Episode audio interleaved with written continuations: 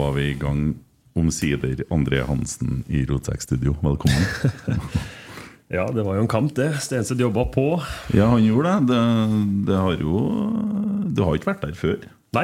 Det er godt gjort, egentlig, på så På ja, tre år som vi har holdt på. Holder seg litt i bakgrunnen. Lønner seg, det. Ja. Du, ja, du, du, er du glad i å være med i podkast, eller? I utgangspunktet ikke. Nei. Men eh, det passa seg vel. Ja, du var nødt nå? Ja, det Det er vel greit for alle parter å snakke ut litt, da. Ja. Jo, eh, vi må jo på en måte få hva skal jeg kalle det, ta avskjed med deg. Du skal jo forlate oss nå om eh, bare noen dager, egentlig. Det er jo ikke så lenge det. Nei, det går veldig fort. Ja. Det, det er eh, rart. Ja. Det blir rart. ja. 2015, januar 2015, og ferdig 2023. Det blir noen år, det. Det blir det år. Mangler det ene, da. Det hadde jo selvfølgelig sett noe va- vakrere ut da med titallet. Men Ja, ja, ja. Men eh, Og så har du blitt advokat mens du har vært her. Eh, ja, det er riktig det. Fullførte studiet her i Trondheim. Ja. Vært eh, ikke like trofast der. Vært innom tre forskjellige firmaer. Mm. Så tre forskjellige erfaringer. Men eh, 60 flotte advokater å bli kjent med. Så det er like mange som Eller det er faktisk ganske mange mindre enn jeg ble kjent med i Rosenborg. Ja, hvordan advokat er du da? Jeg jobber eh, mest med det vi kaller fast eiendom. Da. Så hvis du har en eh, lekkasje på ditt nye hus, så Ok. okay. du meg ellers. Ja. Jeg har hatt mer bruk for sånn eh, En annen type advokat. Ja. ekskone Ja, nei, der, eh, der kom vi til kort. Ja. Det er ikke det vi driver med. Nå jobber jeg jo BDO, da, så det er ikke det vi Nei. Eh, driver mest med. Men uh, som alle andre, vi skal jo ha uh, råd til leverpostei på brødskiva. Så Ja.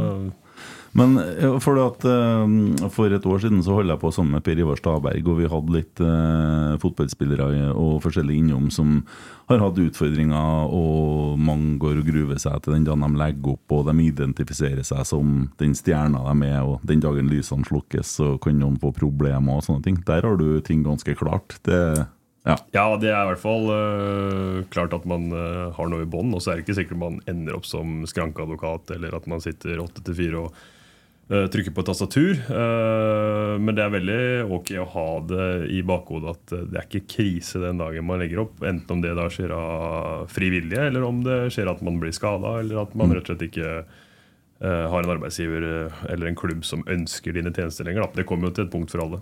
Ja, er det, er det sånn at det kan være komplementært med å jobbe innen idretten? Den der også i forhold til spilleroverganger, eller? Ja, altså det er jo en del juss i, i, i en fotballklubb. Eh, Du kan jo Ja, det har i hvert fall vært det her. Ja, Vi har jo noe som heter arbeidsrett, selvfølgelig. Så, og du, som sier, du er innom på, på spilleoverganger og, og, og den biten. Du har spillekontrakter, eh, du har markedskontrakter. altså Det er ganske mye kontraktsrett i en fotballklubb i tillegg til eh, til arbeidsretten. Og så og så lærer jo en struktur. Da. Altså, du blir jo strukturert opp når du går på jusstudiet. Det handler jo mye om eh, den såkalte juridiske metode og på en måte veldig sånn straight forward. Men altså, du, du, eh, du setter ting i et system, og det er jo alltid ålreit i en eh, bedrift som skal framover. Det. Ja, nei, men det er jo Det er ikke alle som klarer det der, og mange som sikkert spiller på samme lag som kanskje bare har ni år i skole òg, for alt jeg Ja, vet. det, det er jo en utfordring med de at man tar opp eh, yngre og yngre spillere, som for så vidt eh, er det nye nå. eh, men det er jo det at mange av de da vil jo ha en litt annen utdanning, som du sier, hvis de ikke fullfører spesielt videregående. Det er jo tungt å sitte der som eh, 38-åring uten generell studiekompetanse. Det blir jo et litt lengre løp i, etterkant. Eh, ja, uh, jeg snakka med han som Han var jo keeper sammen med deg. Og så er han keepertreneren din nå. En snodig situasjon, egentlig. Ja, det Det har jo dessverre blitt litt uh, kort forhold både som medspiller og medkeeper, og egentlig som keepertrener òg. Vi var ikke Dessverre så, så måtte jo Lyna da gi seg. for tidlig, spør du meg. Og det, men han måtte jo, rett og slett. Mm. så det var vel ikke lange, det var vel toppen to år. Og så har vi vel fått nå ja, snaue er det rundt to og et halvt år da, som, som par, da, hvor han har vært eh, trener. Ja, dem, Vi har jo hatt en Sander her, og ikke minst en Rasmus har jo vært innom her og laga litt show. det blir jo greit å ha podkast når han kommer. ja, han eh, byr vel på, da. Byr deg på, som det heter. Så eh, det blir jo en eh, Tipper jeg blir en, en fin mann inn mot, mot både medspillere og ikke minst klubbens følgere utafor. Mm. Både at den er lokal, den Rasmus, men også at den på en måte liker å å by på. Mm.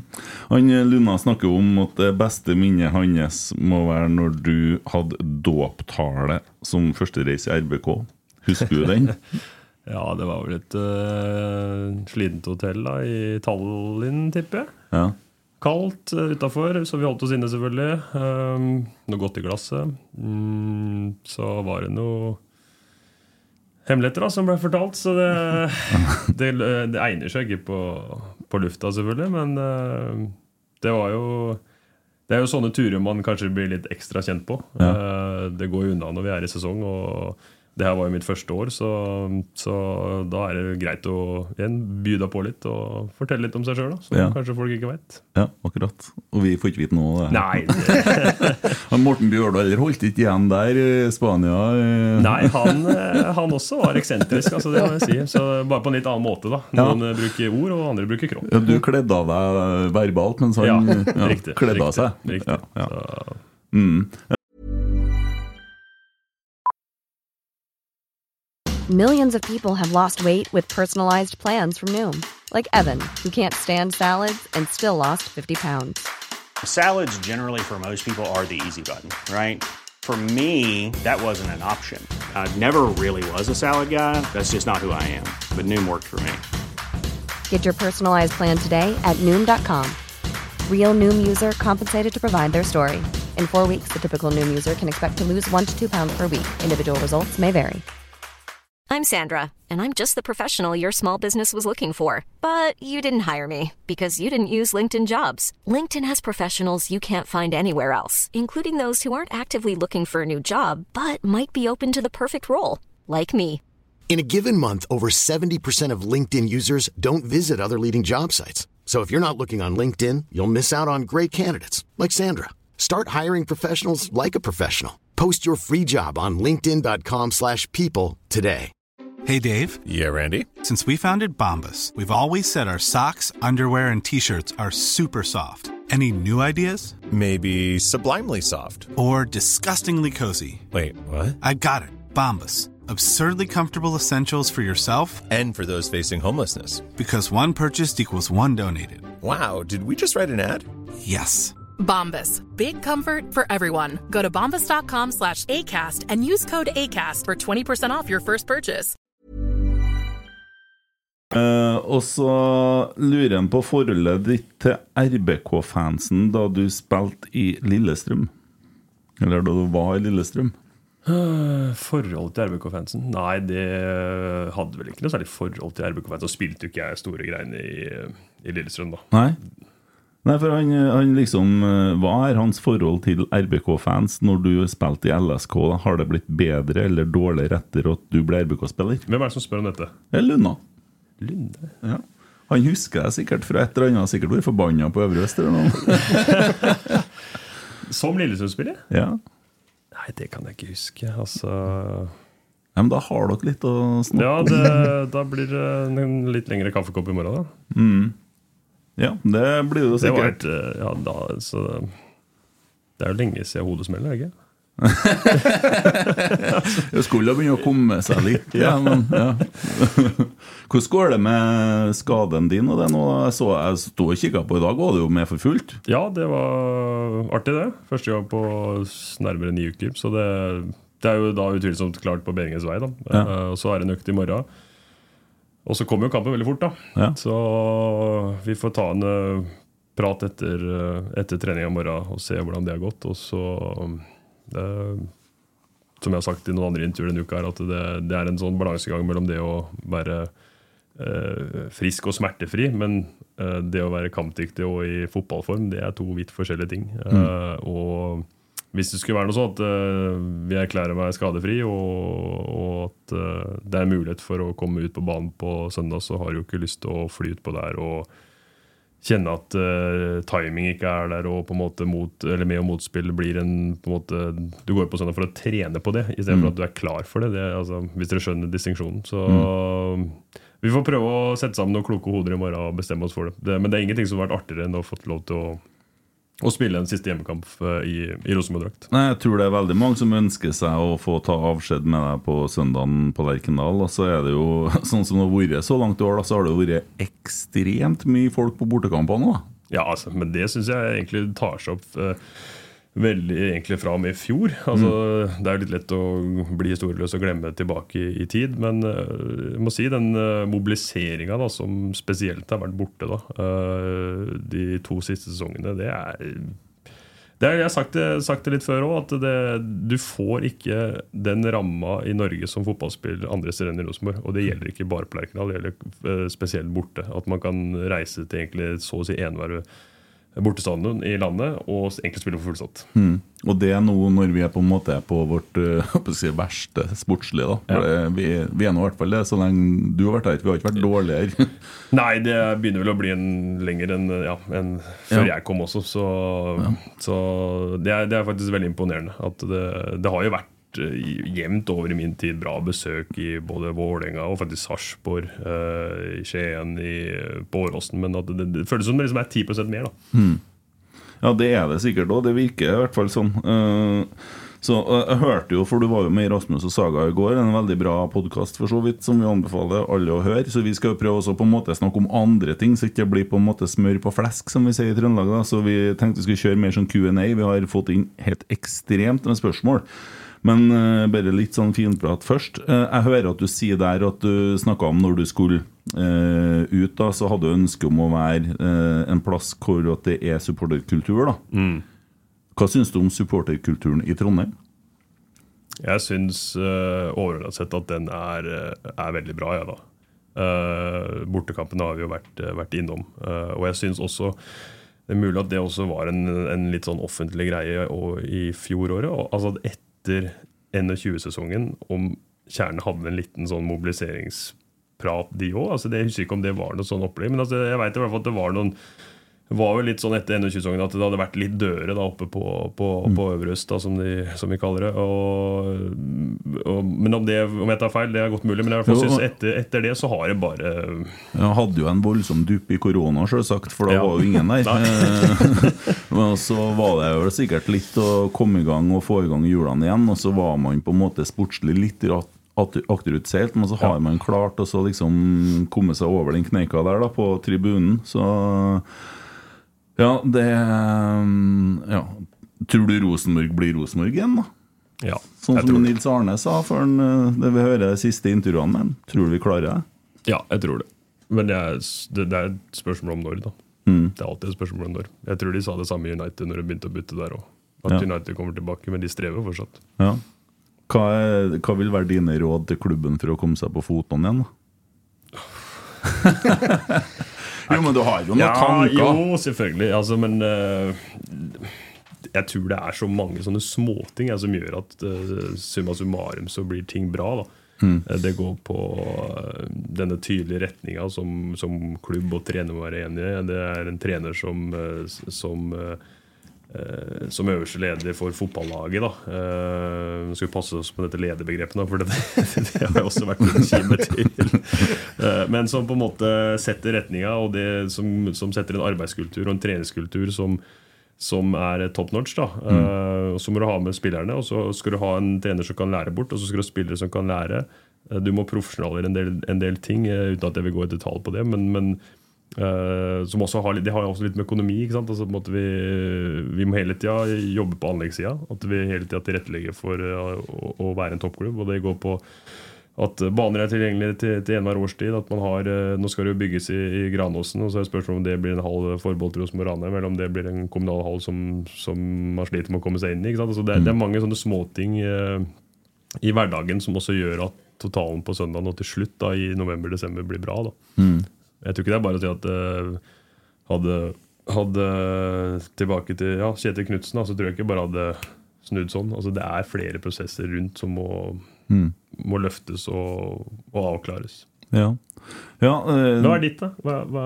Mitt råd? Eh, kontinuitet over Ja, tid. selvfølgelig. Det er- det er et stikkord, ja. Og da tenker ikke jeg så, Jo, jeg var jo vært lei meg når mange trenere har jeg for at jeg syns vi skifter litt for fort, og det er det har fulgt med seg. For du får så mye så utskiftinger. Det har vært helt ekstremt med utskiftinger på spillerstanden. Det har jo, har jo kommet litt mer i tida nå. Man er jo ikke så lenge i en klubb som du har vært vanligvis. Nei, det er ganske uvanlig, men du, du, som du sier, du får en, en, en god del følgeeffekter som nødvendigvis ikke er, er eh, positive. Ja. Nei, så jeg tenker En grundig selvransakelse og erkjennelse av feil er der man må begynne å finne problemer før man skal begynne å lete løsningene. Og, så, og Da må man ta opp alle feilene. Og Jeg opplever jo at du er en av dem som har satt ord på en del ting òg. Det er jo ikke alle som har turt det.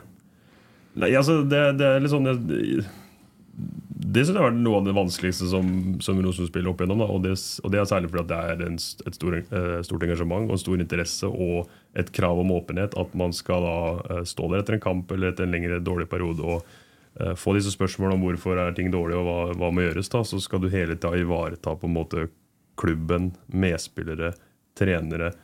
Eh, jeg har sagt det før, at jeg syns vi er på vei inn i et sånn krenkelsessamfunn. Ja, at, mm. at den gode, gamle uh, straight to pucken, den tar ingen lenger. Det, da er det liksom et personangrep. At, så, så det er veldig sånn du, du ligger og balanserer, og så føler jeg at man har et ansvar overfor da supportere, sponsorer, de som følger klubben, at de også får en som langt som det lar seg gjøre, da, en straight forward forklaring på og en såpass ærlig forklaring uten at det som sagt går utover de du jobber med. Mm. Ja, for altså, Jeg har jo vært sånn, veldig opptatt av selvutvikling og holdt på litt med sånne ting. Har gjort en del feil i livet og har på en måte måttet ha gjort noen selvransakelser for å komme meg videre. Og så Man må først erkjenne feilene for å kunne begynne å jobbe med løsningene.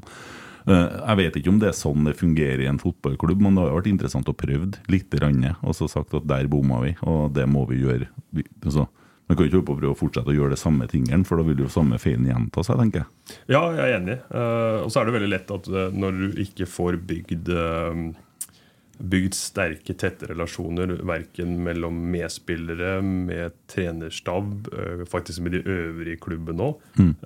så er det kanskje vanskeligere å, å sende den konstruktive meldinga. eh, Men at det er mye lettere å sitte på bakrommet og skyte på hverandre. Fordi at jeg har ikke et sterkt nok bånd. Jeg kjenner deg ikke godt nok. Så det blir sånn fy faen, han, han Kent han er en tulling. Han. han gjør ting feil. Eller på en måte i stedet for at eh, jeg kommer til å si at eh, nå syns jeg du kan gjøre ting annerledes. Eller skal vi se på dette sammen? da? Eh, det tror jeg er litt avhengig av at man blir eh, trygge på hverandre. Og det blir jo vanskelig, som du sier, når du skifter ut, eller har skifta ut da, hyppig på trenerpost og spiller, spiller, eller, altså i spillerstall. Ja, og så er det noe, noen som sier at når, når det er tomt for høy, så bites hestene. Og når det begynner å brenne litt på dass, det blir mindre penger og, og sånne ting, så begynner folk å beskytte mer egne posisjoner. Så blir man mer lukka enn hva kanskje ønskelig det er. da.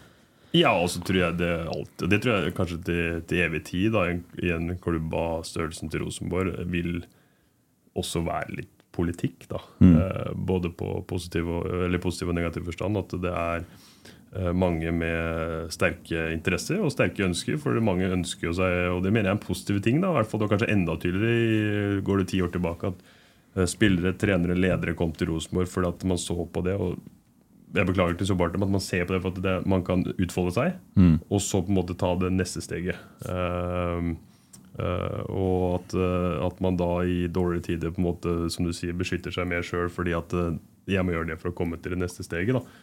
Eh, kan det være lett som spiller på en måte at man blir mer opptatt av sine egne prestasjoner og eh, achievements, da, mm. istedenfor at, at min prestasjon ser 10, dårlig, 10 dårlig ut, men jeg får løfta han ved siden av. Så Jeg sier ikke at det er det, men det kan snike seg inn sånne Ja, ja. Det ser du jo på en måte i forhold til sport, da, når at, eh, når at eh, laget går dårlig, da, for å si det sånn, så, så begynner jo spillere å ja, se på andre muligheter og tenke mer på seg sjøl, kanskje tar andre valg på banen. Det er jo mye sånne ting òg. Ja, altså det, det, er, i hvert fall igjen, jeg, jeg tror når du Hvis du har en litt sånn udefinerbar eh, kultur og retning, da, så er det mye lettere å på en måte å, som du sier, enten gå inn i seg sjøl, eller at man på en måte finner sin lille gruppe som, eh, som støtter hverandre. Da. Eh, og at den lille gruppa drar i samme retning, men kanskje ikke i retning, eh, samme retning som resten. Da. Men det er jo litt om dere der en uh, Birger Løfaldli skriver i den boken om en egen Da. Ja. Da- Da skriver han jo om akkurat det som skjedde på midten av 2000-tallet, i 2009-2010, rundt Hamren-tida. og det med at uh, man, som en Kent sier, vokter mer sine posisjoner i stedet for å dra lasset sammen. Vi supportere, jeg kan jo i hvert fall snakke for meg sjøl, kanskje savner litt det at man rekker opp hånda og erkjenner det at det altså, Alle skjønner jo det at eh, man prøver så godt man kan, og man ønsker å få det best mulig, men at man rekker opp hånda og sier at vet du hva, vi har men jeg, men jeg føler liksom at hele tida når det blir bytta noen i styret, så kan de si at ja, men vi har ikke vært med på det her. Og hvis det mm, kommer inn noen andre, så kan de si at ja, men dere var gamle regimet. Vi må se framover. Det er liksom ikke noe kultur for å rekke opp hånda og si at vi, Rosenborg som klubb, har bomma litt. Ja, for det er jo ikke enkelt heller, det der, da. For at øh, Ja, det er noe Det er jo ikke det. Nei, det er jo ikke det. Altså, jeg sa det vel litt i Rasmus og Saga i går at eh, eh, gjennom de siste åra har jeg reflektert mye rundt på en måte hvor er det hovedproblemet ligger. Hvis det går an å finne et hovedproblem som mest, mest sannsynlig ikke er. Men at uh, er, det, er det treneren som er feil? Er det hans evne til å, til å lære bort? Eller er det vi som spilleres evne til å lære av treneren som er noe feil med? Og så, så, som jeg sa i går, det er mest sannsynlig en en kombinasjon, men hvis uh, spillerne da opp, eller evne til å lære er dårlig, altså til å lære av treneren er dårlig, så er det lett at man sitter da han er, Altså treneren er dårlig, Mm. han er ræva. Uh, og jeg husker en historie tilbake i jeg mener det er 2018, under Rini-kulen. Mm. Jeg husker ikke hvilken kamp dette var etter. Det var sikkert en av de kanskje de litt stygge i Europa. For at det, det hadde tror jeg hadde i hvert fall gått dårlig. Så husker jeg han sa til meg, det var på tomannshånd, at uh, fa- fader, i, i gamle dager så rakk vi på hånda, og så sa vi det. Sorry, gutter. I dag var ræva. Mm. I stedet for at man på en måte Mm. skøyt rundt. Altså, nei, var ikke alt bedre i gamle dager heller. Men altså, det er det å få dratt med seg essensen av det som var bra i gamle dager. Ja. Og så er det jo en kombinasjon av at uh, ting er så veldig i utvikling. og snakkes da om det krenkesamfunnet, man blir mye mer skjør, man skal trø så forsiktig. og så Det er jo ikke så mange år siden guttene på lauget satt inn på brakka og sa dem fra hvis de ikke var fornøyd. Og da måtte spillerne tåle eller så fikk de Sånn var det. Opplevd det, ja. Ja. Det var ganske, ganske klar beskjed fra Magnar hvis det ikke har vært som han har sett for seg. Det er jo ikke alt som er like fornuftig som kommer fra gjengen der. Nei, det, det, det, det er nok fort sant, men eh, det er jo litt sånn at det må du jo lære deg å takle som, som Rosenborg-spiller. da. Mm. Uh, og så tenker jeg at eh, skal du også være Rosenborg-spiller, så må du takle. Så Mm. Du skal lære deg å takle men du skal også takle fordi at du spiller Rosenborg. Mm.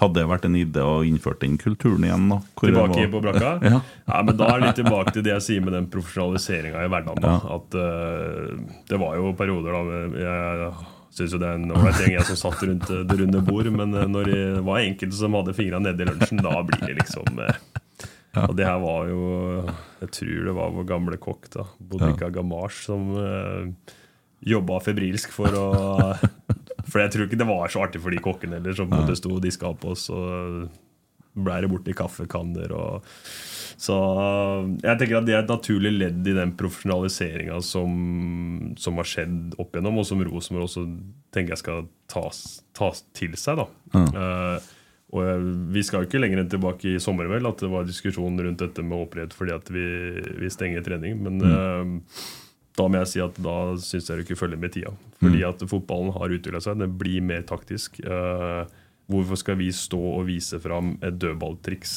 som vi har lyst til å overraske motstanderen på uh, foran alle? Jeg husker veldig godt i fjor. Vi trente uh, et frispringsmønster bakfra mot, mot Tromsø. Mm. Der hadde assistenttreneren til Tromsø eller i hvert fall en i det teamet, stått og sett på treninga på torsdag. Mm. Og da hadde jo selvfølgelig Tromsø justert fra det de egentlig pressa i, Mm. til å møte det vi hadde vist fram for hele verden. Mm. Uh, Så sier jeg ikke at dette vinner alle kamper over tid, men hvis dette kan vippe enkeltkamper i vårt favør, da, så er det jo kanskje mulig å komme seg noen plasser opp. Da, og spesielt hvis vi kommer dit at vi skal Jeg sier vi, for at det er jo ut året her. Så, så, så sier jeg så mener jeg at det må vi gjøre. Mm. Hallo. altså det, Vi møter jo opp. eh, Jeg skriver autografer. Hvis du har lyst til å komme og prate med meg på trening, så får du lov til det. Mm. Altså det, er, det er snakk om én trening i uka, kanskje to. Det er ikke for at man skal, skal gjemme seg for, for omgivelsene, men det handler jo om at vi ønsker å gjøre det vi skal for å vinne på søndag. Mm. Jo, jeg sa jo det samme, men så har jeg kjent jeg har vært litt fornærma noen fredager nå fordi at jeg ikke har fått det. Jeg visste ikke ønska dette. Men, eh, så og det der, har jo vært mine argument òg, hvis, hvis man kan utgjøre for, altså, Det kan jo være det ene trekket som gir det ene målet, som gir de tre poengene. Altså, og det, det må man jo kanskje forstå. Og det har jo ikke noe med åpenhet å gjøre, egentlig. Nei, det er, jeg syns bare at den diskusjonen der eh, drar i alle mulige feil, feil retninger når, eh, når man først det, går til det, til det skrittet. Da. Mm. Uh, og så er det heller kanskje ikke riktig at man skal gjøre som i England, at eh, alt stenges ned, og at man ikke får den nærheten mellom klubb, spillere, trenere og supportere. Mm. For det er jo noe av det vi livnærer oss på som, eh, som klubb, men, eh, men det, å, det er viktig å finne da det skillet mellom eh, klubbens interesse for å eh, nå de resultatmåla som supporta krever og forventer, Mm. samtidig som man da opprettholder den relasjonen. Men eh, hvis man, hvis man ser, ser litt på det, da, hvor ellers i verden kan du bare kan jeg komme og stille meg ut på treningsfeltet mandag, tirsdag, onsdag, eller de dagene dere trener, og stå og se på? Jeg kan eh, Men Du skal passe på hvor du står hen nå, da, før vi ja, ja, ja. Jo, altså, man, man eh, prater med spillere. Man eh, får altså, Jeg tror ikke det er bare bare å ringe på til han mediesjefen i Liverpool og si Du, han Sala, kan vi få han i pod på onsdag? Mm. Det er jo ikke sånn det funker. Nei, nei, nei. Så uh, Nei, til oss, han, Trygve og Reidar var vel inne på midtbanen i fjor og sto midt i treninga. Så det, ja, nei da, jeg skjønner jo det. Um, jeg har en sånn sterk følelse på hva du kommer til å gjøre. Ja, det skal være viktig med følelser i livet. Jeg prøver Ja. å skru de av. men- Jo, jo, men jeg, skal ikke være sånn, men jeg, jeg tror ikke at du bare kommer til å være fotballspiller. Jeg tror du kommer til å gjøre ting innen fotballen etter hvert, som er administrativt eller et eller annet sånn. Jeg synes jo Altså det er jo på en måte når man har blitt eldre og forhåpentligvis litt visere, da, så, så, og man erfarer jo veldig mye. Det Mm. prøvde jeg å si i går i i Rasmus og Sago. At eh, ja, vi skulle gjerne gått av her nå med et seriegull, eller i hvert fall en, et år vi liksom kunne gjort litt sånn på. Det, det Mm. blir dessverre litt vanskelig. Uh, men sånn personlig så har du jo lært og erfart veldig mye som du kan omsette uh, senere i livet, da, og da først og fremst innenfor fotball og sport. Mm. Så det er ikke, det er ikke helt forgjeves, men. Det skulle som sagt gjerne vært litt uh, Nei, jeg, jeg har rett, jeg. Du kommer til å gjøre det. Så. Eh, hva jeg skulle si uh, Sesongen i fjor, da. Hvordan eh, følte du den? Altså, når vi endte på tredjeplass, og ja. Det var jo en eh, Ja, det var jo en litt rollercoaster på, på våren, da. Eh, det husker jeg satt og så på Raufoss-kampen på landslagssamling sammen med eh, tidligere Rosenborg-spiller Stefan Strandberg. Da. Mm. da var ikke jeg i hatten som uh, fortsatt spilte i Rosenborg. uh, det var det ikke så veldig mange andre heller. Eh, og vi slet jo veldig med å få den 3-4-3-en til, til å fungere, dessverre. Og så gjør Kjetil og Geir et, og teamet for så vidt da, vil anta snakka sammen og, og gjør et, et fint grep inn mot, mot Bodø som vi, som vi profitterer veldig bra på. Eh, og vi er direkte. Vi spiller litt, uh, kaller det litt kynisk, eh, tar lite risiko bakfra. eh, og står egentlig veldig bra i det fram til den kampen på Hamar. Mm. Eh, hvor vi egentlig møter et lag som er faktisk bedre på de parameterne enn det vi er. Eh, så har vi en periode etterpå hvor vi prøver å få til litt eh, mer frispilling. Da, eh, med litt sånn blanda suksess, vil jeg si. Og så har man det som er en stor del av fotballen, at man har spillelogistikk. Eh, og man eh, treffer på en spiss som også treffer da, et samarbeid med en annen spiss, som mm. Carlo Holse treffer. Eh, så på en måte blir da kall det de som drar laget da, utover, utover høsten. Skårer veldig mye mål. Noen fantastiske hjemmekamper. Eh, og så er det den sorte, stygge ulven, da, bortekamper. Mm. Eh, som også er en utfordring gjennom høsten i fjor. Da. Vi kan jo minnes Tromsø, vi kan minnes Kristiansund Mm. eh, osv. Men, eh, men det var noe på gang. Det var det. Eh, og så er vi tilbake til spillelogistikk igjen. Da, at det, salg er en del av fotballen, og skader er en del av fotballen. Og så starter man litt på scratch igjen i, i, eh, i vinter. Mm. Eh, et, eh, vi spiller jo ekstremt mange uer da, gjennom, gjennom eh, preseason. Ja. Uh, og så syns jeg vi får litt taket på det defensivt inn i sesongstarten. Vi spiller jo, Jeg tror aldri vært i Molde og sluppet til så lite målsjanser som vi gjorde. Mm. Mm, og så var vi vel i Skien og ble slakta fordi at vi spilte 0-0 på en uh, egentlig en ekstremt vanskelig bortebane generelt. Mm. Uh, så, og så har vi jo innom Stjørdal og, og den biten, og så syns jeg vi viser positive en positiv trend mot Ham- HamKam hjemme. Og så en mental positiv trend mot Stabæk borte, fordi at vi klarer å hente oss opp til til 2-2 og klapper ikke sammen. Og så, så velger da klubben å, å bytte. Og, og så har vi på en måte hatt opptur og nedtur i løpet av, eh, av høsten òg. Så det, jeg syns jo jeg syns jo egentlig at de to siste, eller tre, fire, fem siste åra Det bærer jo preg av, av veldig mye ustabilt. Altså det, er, eh, det kan være ustabilt i den forstand at man spiller en god hjemmekamp og sånn ditt og dårlig bortekamp. Ref. Molde og Sandefjord nå og sist. Eller at man har en sommerperiode i 19 som vitner om at nå er vi på gang, og så slokka lyset etter Rasklins borte. Ja. Uh, vi har en periode under starten i 21, under Åge, hvor vi på en måte har et bra momentum helt til vi taper litt ulykksalig 3-2 hjemme mot Molde. Eh, men hvor vi plutselig fikk en god sommerperiode i juli igjen, tror jeg. Vi tapte vel så å si alt i juni og ramla da ned fra toppsjiktet. Og så plutselig var vi gode i, mot eh, FA og, og Domsale. Vi slo jo 6-1 hjemme, vel. Og gjorde vel to ålreite kamper mot Renn, da, selv om vi ikke klarte å, å nå gjennom. Så, så det er litt sånn opp og ned. Det er slitsomt som spillere, det er slitsomt som trenere, og det er veldig slitsomt som supportere, tenker jeg. Det er mange blåmann der.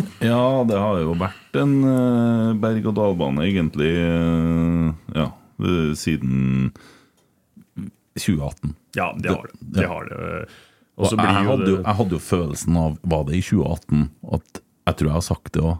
Vi vant jo pga. deg. Altså, så du hadde jo et så, ja, men hør nå, du hadde et så høyt snitt du, på redningene. Altså, hvis du har en sånn, så vært en normal keeper, så vent langt ned, lenger ned på tabben. Det er jo folk som har regna på.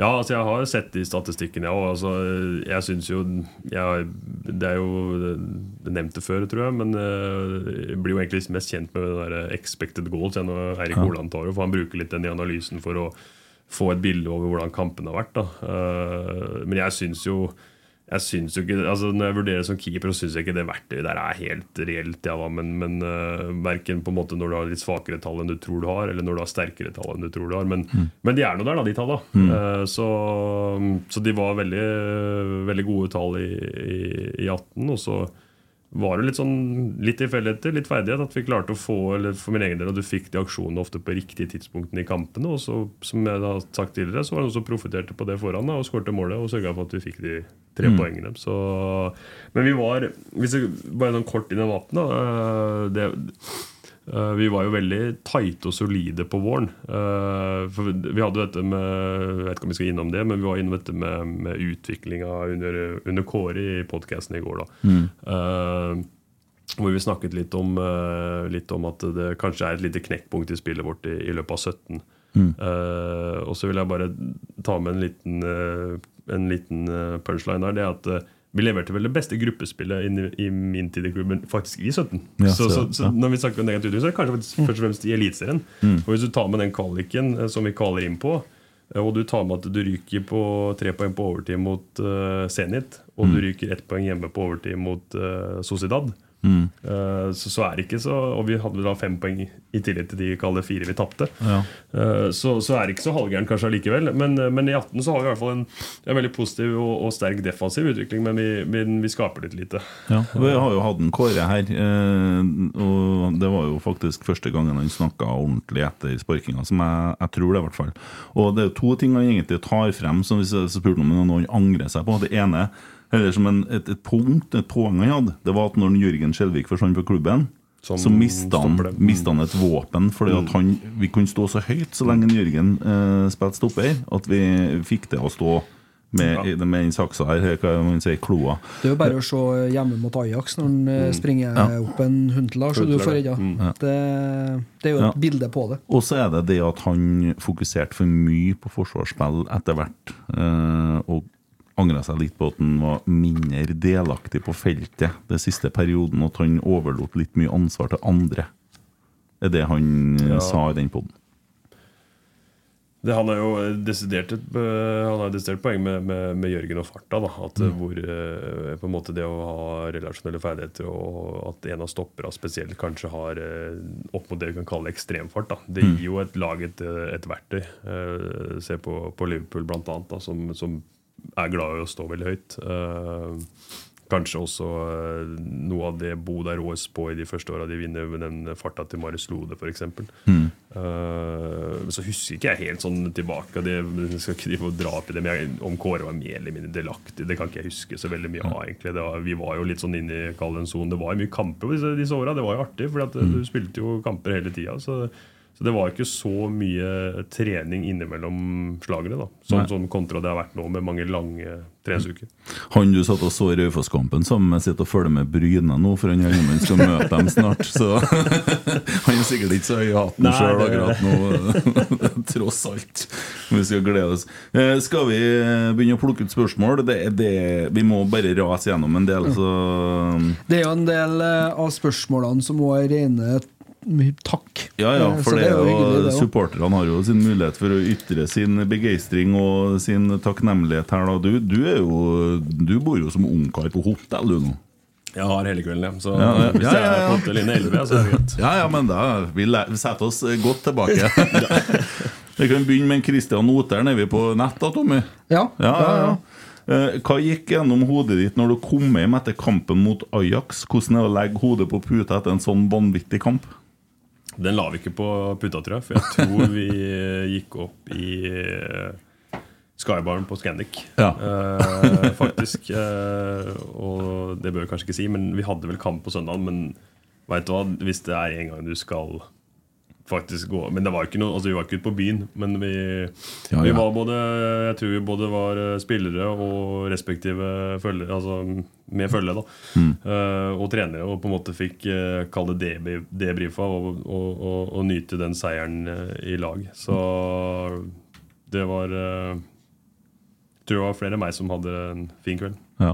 ja, det har jo blitt en eh, Altså den kampen. Altså Når folk snakker De sammenligna nå Bodø i fjor. Da sier de det, det her var nesten som å være på Ajax-kampen. For det var, det, Så Ajax-kampen har blitt en sånn greie. Ja, altså jeg, altså jeg har jo bare Champions League-kamp til Rosenborg på, på, gjennom TV-ruta. Så jeg har jo ikke noe forhold til hvordan det var å være på, på Lerkendal. Selv om jeg selvfølgelig har fått gjenfortalt det er mange. eh, Ja, ja, ja, av- i løpet av Jeg skulle til å begynne her nå, men Men eh, det virker som de to kampene var noe eget. eh, de, eller den hjemmekampen mot Ajax, men egentlig også den hjemmekampen mot eh, Celtic. For det var et år hvor vi la opp til å spille 2045.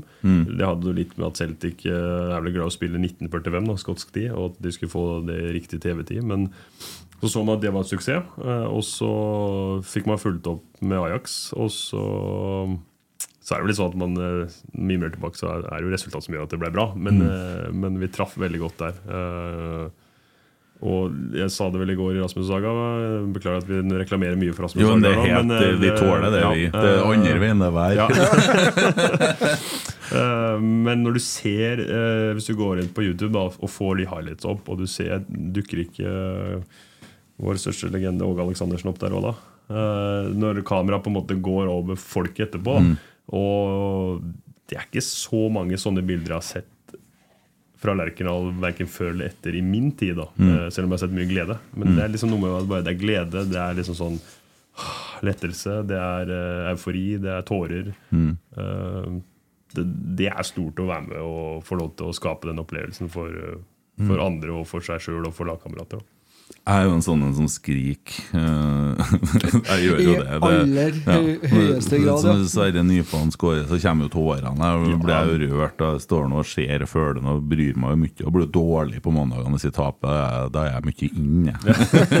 men eh, men eh, det må jeg fortelle, og det er litt trist. eh, mot Stabæk, når Nole skårer der. Så eh, Stabæk, Stabæk, Stabæk. Stabæk hjemme, så skårer Ja. Nole Mm. til 1-1. Så legger jeg hånda over Emil sånn, så sier jeg det, det var ikke mål. Det VAR tar det. Det er offside, det er offside. Og så satt jeg der bare. Ja, sånn, ja, du tenker på den uh, umiddelbare Nei, jeg, har- jeg, VAR har drept meg litt. Ja, men VAR er jo VAR er for meg et uh, Altså, det er vel ment, men jeg syns ikke vi skal ha VAR. For jeg er, uh, jeg er på linje med de som tenker at at eh, fotball er fotball. Feil gjøres. Eh, jeg kan strekke meg til å si at vi kan ha alt som er objektivt. Det går da på mållinje teknologi, og det Mm. går for så vidt på offside-linje, for den, den er, skal i utgangspunktet være straight forward da, hvis du har riktig datateknologi i bakhånd. Mm. Men alt disse straffesituasjonene og rødkortsituasjonene, da er vi tilbake til skjønnsvurdering. Ja. Og da er det, Hvorfor skal vi strekke den fra én dommer til fire dommere? Altså, det er liksom Hva du syns du om Kai Eriksten sin avgjørelse mot Haugesund i fjor? Nei, jeg noterte vel at det var første kamp nå mot Sandefjord, var det det? Eller? Ja.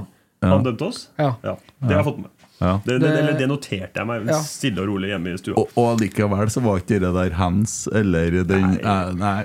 Og det du gjorde eh, når du går ut der, hvordan kamp var det? Aronsen, ja. Ja. Ja. Men Gjør, gjør jo han det samme i Sandefjord? Keeperen der? Ja, Jeg syns jo ikke det på Åråsen er noe straffe, men det blir jo, jeg blir jo inhabil. Men, eh, men eh, eh, der dømte vel for så vidt dommeren straffe. Da. Og da tenker jeg sånn, ok, vi, I og med at det sikkert kan diskuteres, så tenker jeg da får vi bare leve med det. da, For den straffa får vi igjen på et eller annet tidspunkt. Eh, og over da 20 år i fotball så tipper jeg at du ender ganske ganske likt. Mm. Nei, altså Kai Eriksten, Vikingkampen, uh, Hansen til Tore ja. Det Gundersen. er jeg kjenner jeg Det koker litt inni meg når du sier det navnet. Ja, ja, Nei, nei, jeg ring Åge. Spør om spør. Åge, Åge Hareide. Ja, Åge. Da spør om det. Jeg sier En av grunnene til at jeg holder meg i live, for at jeg skal være her den dagen han legger opp. Nei, vi, skal, vi må jo selvfølgelig altså Jeg har den største respekt for dommerne at det er, eh, at det er vanskelig. Altså. Det, det, men jeg kan si det. om ja, du kan få lov til si det. Men det, altså, det er liksom litt sånn når vi er en så involvert del av spillet, så vet vi veldig godt at uh, at feil hender. da Eh, Og hvor en supporter på en måte kan uh, læsje ut og, og skrive det stygge, stygge på, på nettet. da, Så har jeg forståelse for at eh, vet du hva, vi har også gjort feil. Så, så Hvis man skjønner liksom at det Jo, jo, er jo. to forskjellige verdener. da Ja, det er, og det har jo blitt ekstremt polarisert. Altså, ser jo Vi, vi, vi har jo stelt oss uh, litt av en situasjon her hvor vi sitter i poden og skal gi børs etter kampene. Og når vi da har tapt, så det, blir, jo, det blir jo lavt. Ja. Og vi, vi er jo følelsesstyrt her, i sant? og vi går rett fra stadionet hit, og så er alt mørkt. da Og så er det andre veien òg. Da hagler jo tida. Jørgen Stenseth har en fin en, vet du. Don Vito Corleone Stenseth. Eh, Det er jo han som styrer alt bortpå brakka her. Stenseth, ja. Ja. ja, det, Det er jo ikke noe tvil om det. Det var Nei, han jeg som bestemmer. det trodde jo enten det var Berdal, Vikvang eller Dorsin, men det er Stenseth. Ja. Det er det. Ja. Eh, fortell om det mest ulogiske vennskapet jeg har opplevd i garderoben noen gang. Det er mellom deg og Ole Sæter. Ja, det, det hvem skulle trodd det. Eh, det. Det er jo en figur, da. På godt og vondt. Eh, og at vi skulle ende på rom sammen. Hvem skulle trodd det? Uh, nei, jeg syns jo ikke noe veldig godt om Ole når han kom. Men det går jo ikke i utgangspunktet på at han var en løve, og at han kom fra Ranheim og, og trodde han var stjerne. Det var ikke de, det var ikke de tingene. Altså, da, jeg er ganske simpel på, på en del ting, og det går på at uh, når du er i Rosenborg, så forventer jeg at du gjør de tinga som er gratis 100% At du ikke setter ballen i krysset, eller at du bommer på eh, et mottak, eller blir dratt av én mot én. Altså, man ønsker jo ikke det, men det skjer. Akkurat som jeg hver sesong gjør én til to keeperfeil. Eh, så, så forventer jeg at du tar rett og løp. Jeg forventer at du gjør det du skal i presspill. Eh, og at du gir alt. Og vi kan vel si at det var en situasjon da, som eh, Ole Sæter ikke ga alt på, eh, hvor han fikk høre det fra meg. Og hvor jeg også fikk en reaksjon fra Ole Sæter som jeg heller ikke setter pris på. For at jeg forventer at når jeg snakker dem eh, og påpeker ting som da går på det enkle gratis, som er gratis, at han da holder munn og tar det til seg. Og så kan de eventuelt komme tilbake etterpå og si at han er uenig. Eller, eh, altså. For det handler litt om den internjustisen jeg mener vi skal ha i Rosenborg. At vi skal ta hverandre på de tinga der. Eh, men han mener jo da at det var Åge Heide som hadde bedt meg om å gjøre det. Så, så da klarte han tydeligvis å se forbi det. Og så var han jo susa rundt i Oslo og kisa og Ja. fant seg dame og litt etter hvert. da Og kom tilbake og var en, en litt sånn ny person. da Ja. En litt mer ydmyk uh, lømunge. Cub. Ja. Så For det må vi jo si i forhold til Vi snakka litt om sesongen i fjor i stad. Altså, Ole begynte jo han før han Kasper kom. Han begynte jo altså Ja, altså Han hadde jo Vålerenga, som egentlig var eh, Oles gjennombrudd. da, Og Ja. så virkelig fikk vise fram det han har. Uh, og det kan jeg med hånda på hjertet. Det så du allerede litt på den, den sommeren jeg snakker om, da, hvor han fikk en litt overhøvling fra fra min side det at, uh, han, For han hadde vært ute, han kom jo skada. Operert, operert i ankelen eller noe sånt. Og, og så var han med på en sånn fire mot fire-økt uh, ute på Skoglund. Og der så du at det var Det var en venstreslegge, det var snert, det var et steg. Eh, men som sagt så ble den høsten rotete og rotete for den. Og så er det det å ikke gi opp da og vise at det går an å komme tilbake i, i noe eldre alder. da Og det er imponerende. Så så nei, vi fant vel tonen utover i fjor, da. Og Om det var han som jekka seg ned, eller jeg som jekka seg ned, på en måte hvor vi møtes hen. Men eh, er jo en veldig trivelig fyr. Og når han uh, er påskrudd og gir jernet for laget, så, så er det jo en klassespiller òg. Ja, for Han kommer for meg som en som går inn i ei sånn boble og er helt uh, Når at uh, dommeren har satt i gang kampen, da er han, da er han der. Og da kan han være til dels utilregnelig. Ja. Om det er så i Kristiansund-drakt mot egen spiller, eller ja, Han minner meg litt om en Roy Keane, faktisk. Ja, ja, men altså, jeg har hørt om sånne spillere som er liksom sånn eh, Ja, jeg er litt gal, men jeg vil ikke bli frisk, for da blir jeg en dårligere spiller. Ja. hvis du skjønner Det er noe med at man må, man må få være det, og så får han ta støyten når han legger opp. Ja, det, det, det der er sikkert veldig vanskelig sånn der, Det der med utvikling av personalitet òg, altså, eller personlighet. At, eh, at man sikkert har trenere som ønsker at en skal ro seg ned på enkelte ting, eller at noen ønsker at de skal justere opp eh, altså på, en måte, på dette følelsesregisteret og hvordan man mm. uttrykker seg. Eh, men, men det er som sier, man skal jo aldri glemme at noen ting ligger latent. Da. Og at hvis det er en ting som gjør at spilleren eh, presterer bra, og mer enn bra, så, så må man kanskje da både som medspiller da, og som, eh, som um, trener og klubb eh, akseptere at eh, for at han skal få det beste ut av seg, så må vi kanskje gi slipp på, på enkelte ting. Men det skal fortsatt selvfølgelig være innenfor en ramme. da. Og den ramma som jeg sier, de enkle tingene som er gratis, det må vi gjøre bedre. ja. ja, den er fin, den. Det som er gratis, det forventer vi blir gjort. Tor Georg, eh, hvis du fikk spådd den RBK-karrieren du har hatt da du signerte for klubben, har du da tenkt at det høres realistisk ut? Ikke med en så suksessrik periode som vi hadde de fire første årene. Jeg hadde troa på at, vi, at jeg skulle få oppleve et, et seriegull i Rosenborg. Det hadde jeg troa på. Eh, Spesielt når du så da litt konturene av hva som foregikk eh, høsten, eller tidlig høst 14, da, før jeg signerte. Eh, og at det var fortsatt mange gode fotballspillere i Rosenborg på den tida, det var det ikke noe tvil om. De, de var jo tross alt nummer to på tabellen i 13. Så, men at vi skulle være det nest beste laget i Norge etter Eggens Rosenborg, da, i form av at man vinner fire på rad. Eller om jeg er likt det er et vikinglag eller et Fredrikstad-lag eller et Skeid-lag på 60-70-tallet som også har noe av det samme. altså Med tre eller fire på, på rappen. da Fredrikstad, tror jeg. ja, Fredrikstad. Eh, Så si at vi er eh, second best sammen med Fredrikstad. da Mm. Og i tillegg ta tre cuptitler. Og vi glemmer jo disse to seriefinalene. Det regnes jo som titler i Spania, så da kan vi vel gjøre det i Norge òg. Og hva blir det på gruppespillet? Tre av fire da i de, i de åra. Så, og så hadde jeg ikke trodd det. Det hadde jeg ikke. Men eh, jeg har også sagt eh, s- Sånn I ettertid så hadde det vært litt sånn lettere mentalt å fordele det litt utover. Ja, det- ikke sant? det Men liksom- apropos Fredrikstad, hadde det vært en idé å gå dit òg, så har du slått, kunne jo jobba Ja. litt. eh, Han har jo bruk for Der har du trener. Ja, jeg så det var, ja, det var. Han ble jo, fikk jo dom. Ja, jeg så det. Jeg så Dømt det. for å skjelle ut en, eller så rett og slett hudflett en spiller. Det. Ja, Som hadde gratulert ham med seriegullet, var det ikke?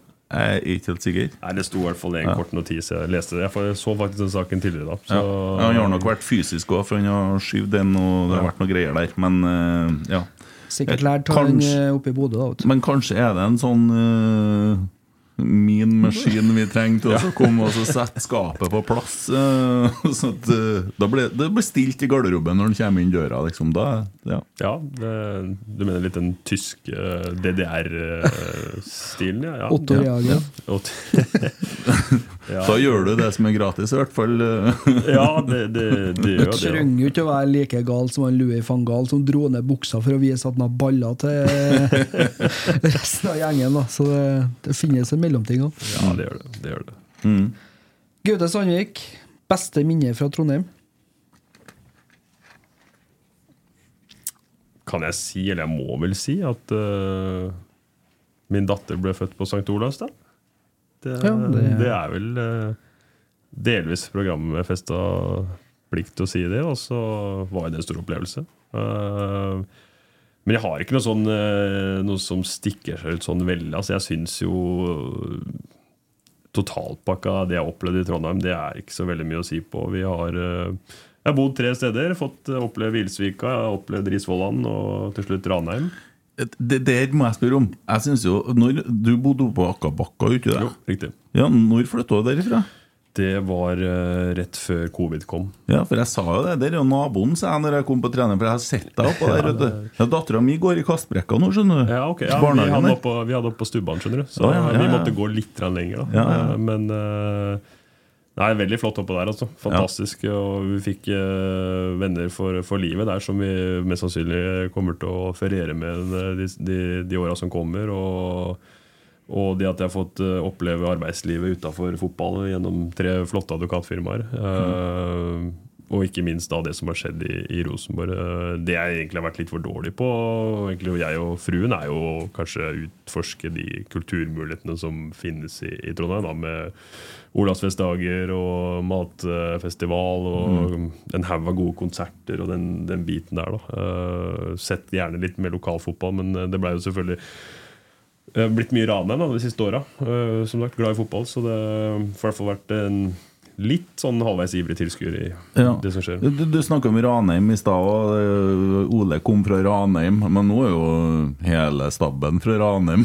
Og Ja, det- medisinsk Ranheim og Jeg kom ut på så på i dag, så var det to spillere fra Ranheim igjen. Ja, jeg tipper jo at det her er noe som kommer til å skje mer framover òg. Jeg tipper at det også er en Eller jeg tror at det er en, en god måte å få fram flere trønderske fotballspillere. Og, For det trønderske markedet er jo ikke Eller trønderske poolen med spillere, den er jo ikke så stor. Eh, og Det er jo sikkert til evig tid også være et spørsmål for akademiet, det, til Rosenborg. Uh, hvor bredt skal man uh, gå ut for å hente spillere? Fordi du ser at det er jo litt sånn generasjonsbetinga, dette som kommer opp. med du hadde vel tilbake, Hvis vi ikke går altfor langt tilbake, da, så hadde du jo vel Siljan og Tetti og Jamfall junior. Eh, Og sikkert flere i den generasjonen. Og så har du vel Markus og Mors, Gjermund, eh, Ole Selnes, ikke ja. sant? og Pål. Jonas. Og sant? Wangberg. Wangberg, ja, som er rundt av ja, 91, 92, 90, 93. Eh, og så begynner nå da Nå er Røsten fortsatt fra Oppdal, da, men, men en ny generasjon, på en måte. Så Eh, men hvis det blir liksom fem år mellom hver, så mangler man jo litt tilfang altså i de åra hvor det, man venter på neste generasjon. Mm. Ja, for Du ser det jo litt på akademiet òg. Altså, nå har vi jo eh, gutter 16 og gutter 19 er jo i cupfinale nå i helga. Uh, og, og det er jo noen gode kull som kommer der. Og der får du jo problemet, for du kan jo ikke fylle A-laget med 16-åringer heller. Sånn Nei. at eh, du må jo Og da er det jo veldig ålreit å ha den linken med Ranheim, hvor de også kan sende opp de kanskje yngste beste sine, eller de som er kanskje litt over de yngste. da, men, eh, Og at man blir kjent med hverandre, at de kan teste nivået. Uh, og at man kan gjøre det motsatte. Eh, nå får vi Levanger opp. Eh, og du har også vel fortsatt et ok kobbel med, med lag under det igjen som, som spiller ok høyt. da Ja. Man mangler kanskje litt sånn som det var i, når jeg spilte i Skeid i 2008. Så var jeg jo sju-åtte ganger opp i Trondheim. For da hadde du veldig mange andredivisjonslag. Ja. Uh, de er vel borte nå. Ja, Strindheim røkka opp, uh, Stjørdalsblink berga plassen. Ja. Så du har jo to lag i Og da har du jo to lag i Obos òg, så det er jo Ja, og, det, og det har jo endra seg litt, for at det er jo færre avdelinger, så det er jo tøffere. Du ser Ja, jo det Det er bare å se Egersund og Lyn. ja, Post Nordligaen er jo det, Kvaliteten er bra, altså. Ja, det har, det har heva seg veldig. Og, og det tror jeg også er et område som eh, som kanskje kan gagne Rosenborg i forbindelse med utlånspolitikk òg. At, eh, at man kanskje kan være enda råere på enn det man har vært. Da, eh, på bruken, og Jeg vet ikke helt hva regelen er i dag, men det var, jeg husker når Igo var her, så husker jeg at det var et snakk om at du kunne ha åtte på utlån. er det ikke det da? Og at man da kan, eh, hvis man er nøye på et, at han og han skal spille Obos nå, han og han skal spille andredivisjon nå, og så går dette Og så ender kanskje ikke alle opp på A-laget til Rosenborg, men da ender de da i respektive trønderske klubber, som så kan kanskje profitere på det når de blir for gode der, men fortsatt ikke gode nok for Rosenborg. Men at da kanaliserer penger i, i trøndersk fotball. Ja.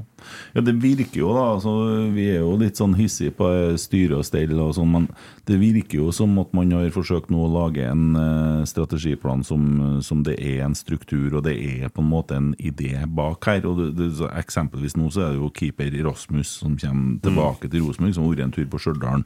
Eh, jeg er ikke så opptatt av det der 4-3-3-tallet. da. Jeg tenker at eh, det er lurt å spille det du har mannskap for. Og det tror jeg er den beste filosofien, som jeg ser det. Hvordan ser du sånt? Nei, altså Jeg tror det er veldig mange fotball, måter å spille fotball på. Mm. Uh, og jeg tror du kan til dels justere alt etter motstanderen. Men at det er ditt eget spill som skal styre det. Men at du kan justere for å få et, eh, en fordel mot motstanderen. Mm. Uh, det som er interessant, akkurat det der med å drive og bytte formasjoner altså uh, Hvis du ser utlandet, så ser du mange av de beste trenerne De bytter jo formasjoner hver tredje kamp, alt etter hva de møter. Så mange møtte jo Conte etter første årene hvor de vant i Chelsea. Så gikk jo alle ut, spesielt Arsenal vel først, da, med å spille 3-4-3, akkurat som Chelsea gjorde. For å få mann-mann-spill og på en måte få kontroll på, på det da. Men de klarer fortsatt å eh, prestere bra når de endrer formasjoner. Der ser det ut som vi norske lag sliter mer, og det er jo interessant å synes jeg løfte opp en litt sånn en, Ikke her, eh, for så vidt, da, men at det kan være en diskusjon, et diskusjonstema i norsk fotball. Hvorfor takler ikke norske spillere å eh, justere formasjoner oftere? Mm. går det på hvordan vi er skolert og opplært? Altså eh, Litt sånn som jeg opplever 4-3-en er til dels. Er jo litt sånn kall det regelstyrt, men du skal jo selvfølgelig tolke rom og tolke bevegelser og, og relasjoner. Men, men at, uh, at man uh, Litt sånn som vi opplevde Rine Kulen, at det, det var ikke Det var på en måte opp til spillerne om du skulle ligge sånn eller ligge sånn. Altså, litt sånn En helt annen forståelse av fotballspill i seg sjøl. Ja. Man måtte ikke nødvendigvis ha spilt eh, kant og back spilt sammen i 30 kamper Mm. for at det skulle bli bra. Fordi at det handla om å tolke rom og, og tolke motstanderen. Og at hvis kanten gikk inn, så måtte Becker skjønne at jeg må komme på utsida. Uten at det trengte nødvendigvis å være trent uh, i mente. da Mm.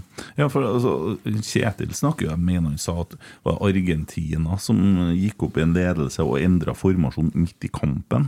Og så må man omstille og, og justere, og, og spillerne bare smukk, smukk. Og du har jo det med City, der de har det totalfotballsaken, der de ekstremt, flytter seg og bytter posisjoner underveis. Sånn, eh, Arteta gjør jo akkurat det samme i Arsenal nå.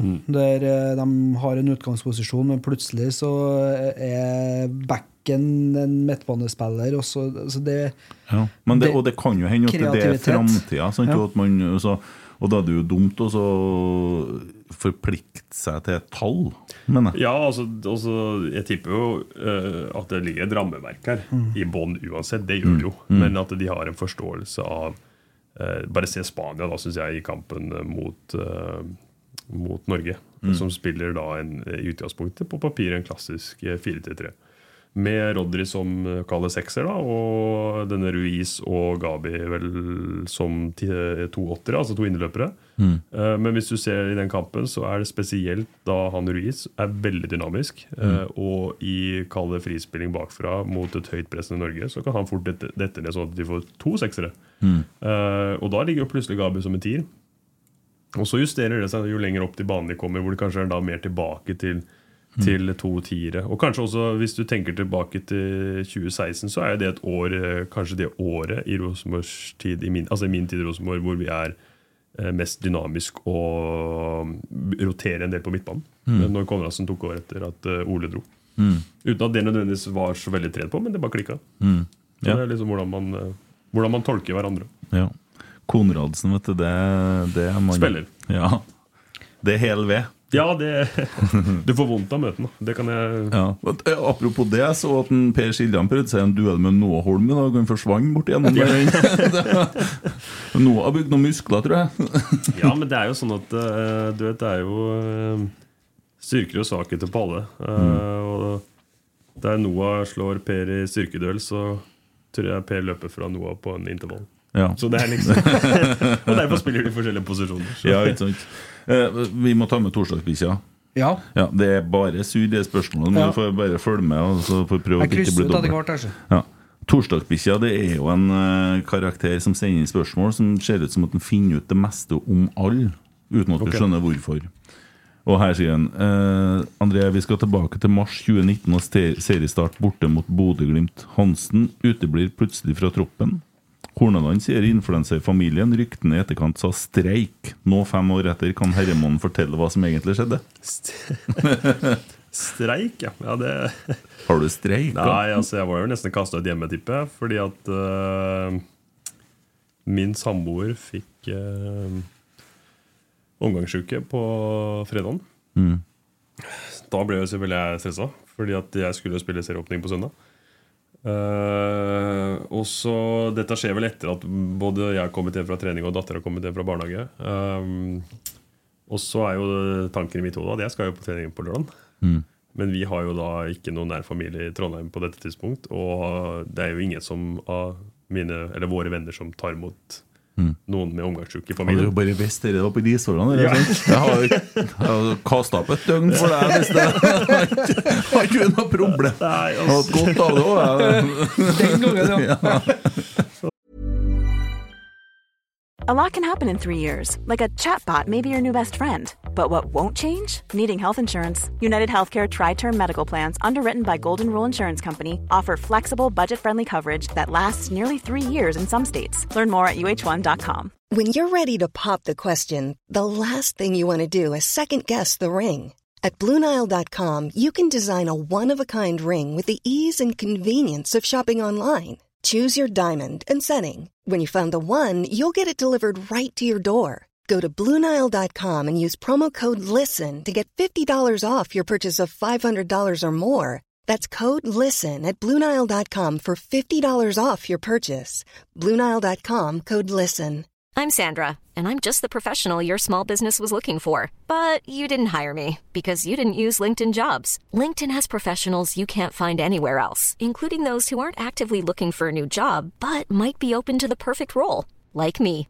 In a given month, over 70% of LinkedIn users don't visit other leading job sites. So if you're not looking on LinkedIn, you'll miss out on great candidates like Sandra. Start hiring professionals like a professional. Post your free job on linkedin.com/people slash people today.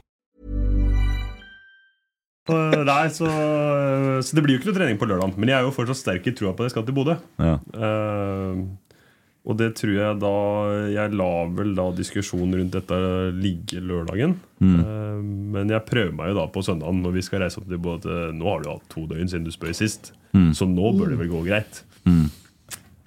Så det ble jo ikke noe tur. Eh, og eh, vi kan jo si det sånn at eh, hun sto vel med en litt sånn hånd i latter når jeg fikk da omgangsuke etter Ullkista borte. Eh, Men hvor også hun da inntok eh, den holdninga at eh, Se her hvordan man eh, opptrer i en sånn situasjon. For da kommer hun med drikke og mat. Ja, ja. Liksom, så det var jo sånn skoleeksempel på hvordan du skal eh, håndtere en ting. da Og så Et siste poeng her er jo at det var jo Det var ikke så artig å se den serien opp med å bo, det. Nei, 2019 da må jeg tenke grundig. Altså. Tapte vi 5-1? Var det den Nei, kampen? det er eh, vi tap- 2020, det. Ja, 2020. Vi tapte 2-0, og så tror jeg Arild hadde vel Østbø, da, som Ja. sto. Han hadde jo i hvert fall tror jeg, tre redninger én mot én, Ja. eh, hvor vi bare ble løpt rett gjennom. Så det kunne fort vært 5-1-5-0. Eh, så det var jo en tung affære for de alle som er involvert. Bedre å snakke om 2017. Bodø-Glimt var i Obos. Var mulig å vinne, mener du? Alle var glad. Torsdagbikkja har eh, et spørsmål til når vi først er inne på det løpet. Eh, André, hvor mye gleder du deg til daglig kaffeslabberas med evigunge Geir Elvis Lundemo? Ja, det bør være etter lenge siden jeg har sett ham nå. Eh, har jo blitt godt kjent med hans bror, da. Harald Lundemo. Det er jo to karakterer, begge to. Bærumsfolk, tror jeg. Mm. Så det er jo ikke egentlig mine folk, for jeg er fra Oslos østkant. Ja. Eh, Men eh, de er nå da trivelige, da. Så jeg visste vel egentlig ikke når jeg kom til Rosenborg, eller det sa vel kanskje Geir rett før jeg skulle reise, da, at han hadde en bror oppe i, Mm. i Trondheim da, som uh, jobba for eh, eh, Hva skal jeg si? Uh, et litt større marked enn det Odd opererte i. da Mm. Uh, Men det er jo spennende at det var to brødre som egentlig jobba på samme post da i to forskjellige eliteserieklubber. Ja. Det var ikke jeg klar over. Han er, han er i Skien ennå? Ja, jeg tror han ja. jobber egentlig i samme stilling, tror jeg, i, i Skien. ja. Mm. Ja, og kona er fra Skien. Min? Ja. ja. Vi er ikke gift ennå, så det får Nei, også. Samboeren. samboeren. Ja. Det må vurdere å begynne å gifte Ja, det blir liksom Når du nærmer deg 34, og så ser du liksom det står i Hva sto det i Varden her, da? Sånn som driver med sånn uh, Se og Hør-journalistikk som uh, hvor folk har kjøpt hus, da. Mm. Så var det som André og kjæresten. Det liksom, Ja. Kanskje passert. passert. passer det stadig. ja. ja. Eh, hvilken sang hadde du gått for på Idol? oh, det er jo en sang som ligger mitt hjerte nært, da, og det er jo en sang jeg kom i avisa for i 2013, vel, etter en landslagssamling. Det er jo ingen ringere enn Jan Ivar eh, Eller Jan Ivar, eh, Jan Teigen med 'Optimist'. da. Ja, ja, ja. Det er Så skal det sies at før jeg kom til Trondheim, så har det jo blitt spilt veldig mye Åge på nachspiel. Ja. Det har det, faktisk. I, og det her er jo da tidlig 20-årsalderen. da. Men uh, hadde litt lakenskrekk på den tida når det uh, blei litt i glasset, og da er det ingenting som er bedre enn norsk allsang.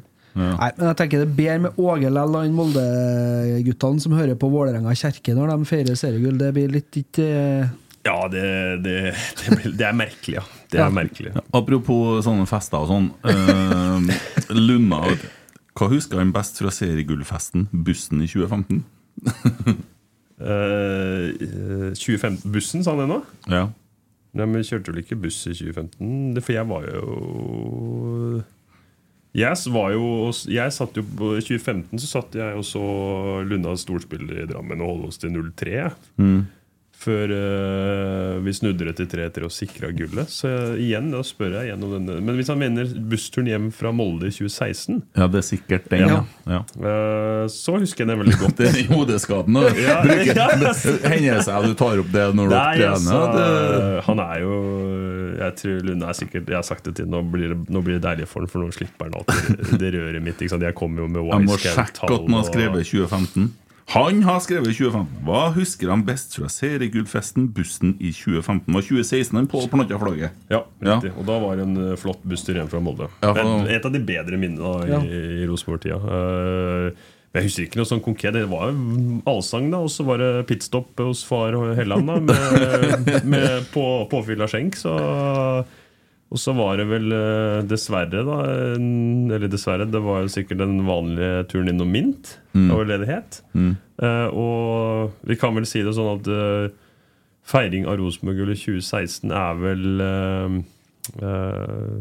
Var vel sikkert sånn mange feiringer var under den uh, sinnssyke tida under Nils Arne. Mm. Relativt lite å skrive hjem om. Mm. Fordi at det, det var ikke noe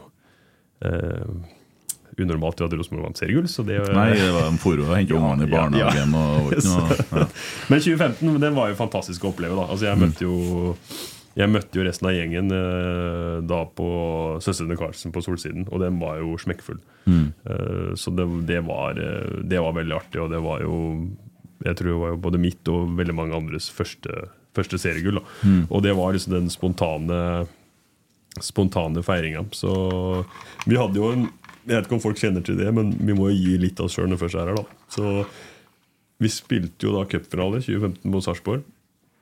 Uh, uh, og da husker jeg at uh, vår styreleder, Ivar Koteng, han nekta vel da får Lunda, Hvis Lunda hører på, får korrigere meg hvis det er feil, men hvis han husker, da.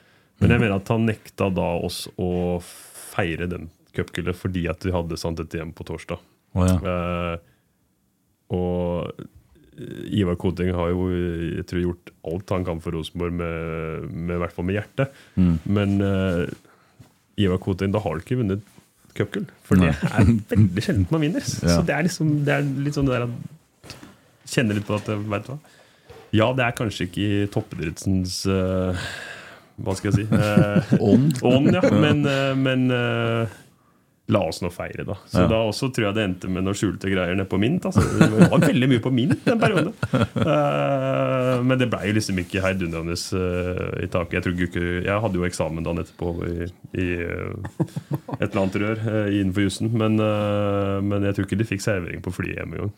Da er liksom Vi kan ikke bli sånn, altså så høye, eller ikke høye på oss sjøl at vi ikke skal feire et uh... Nei, man må feire. Ja, litt som jeg sier med den Ajax-kampen. At, på en måte, at man, ja, vi vet vi har kamp, men faktisk det å bare få nyte det her nå med et glass eller to For det, det trenger jo ikke å bli eh, Men det er kanskje Jeg skjønner jo Ivar hvis han trodde at det, han, trøndere fleste er jo glad i i fest.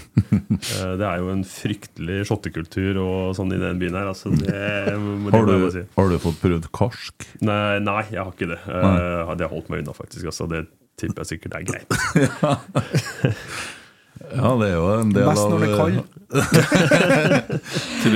eh, Ja. Det, det, cupgull- det er akkurat det cupgullet husker jeg så godt. Fordi at uh, vi var tre kompiser som kjørte nedover fra Trondheim. Mm. Og så en, en som sa at uh, Jeg skal ikke kjøre nedover! For han skulle starte uh, oppvarminga da. Og så sier vi at nei, men da må du kjøre hjem. Ja, det var greit, ja. Men så kom han jo på det at vi var jo på Scotsman dagen før, og vi festa jo hele dagen før cupfinalen starta. Han fikk jo ikke vært med på noe, det, han. Han måtte jo ta med ro, for han skulle kjøre hjem til Trondheim. Erfaring, du, da. Maximilian Malcolm, klubbens største bomkjøp i din tid som Rosenborg-spiller. Er Litt vanskelig å svare på, kanskje, å oute den, men Det kommer jeg ikke til å kommentere. Nei. Så det har jeg ikke på en måte noe formening om heller. Altså det Uh, altså Noen har prestert bedre enn andre. Noen har kommet til riktig tidspunkt. Altså Ref min eh, ankomst til Rosenborg. Det, jeg traff jo på timinga. Noen Mm. har truffet uh, totalt feil på hvor klubben er nå. Og, og, og, og noen nå, ikke sant. Du henta jo på en måte øh, mer øh, bekjente spillere, hvis du kan si det på den måten, i, i starten av åra mine, her, som på en måte folk kjente til og visste hva sto for. Og nå har vi henta potensialet, og at man da kanskje ikke eh, lykkes med en gang, så betyr ikke det at man er et men altså det er Mm. eh, Ja, noen har hatt uh, bedre karriere på papir enn andre, men det er jo en del av fotballen. Mm.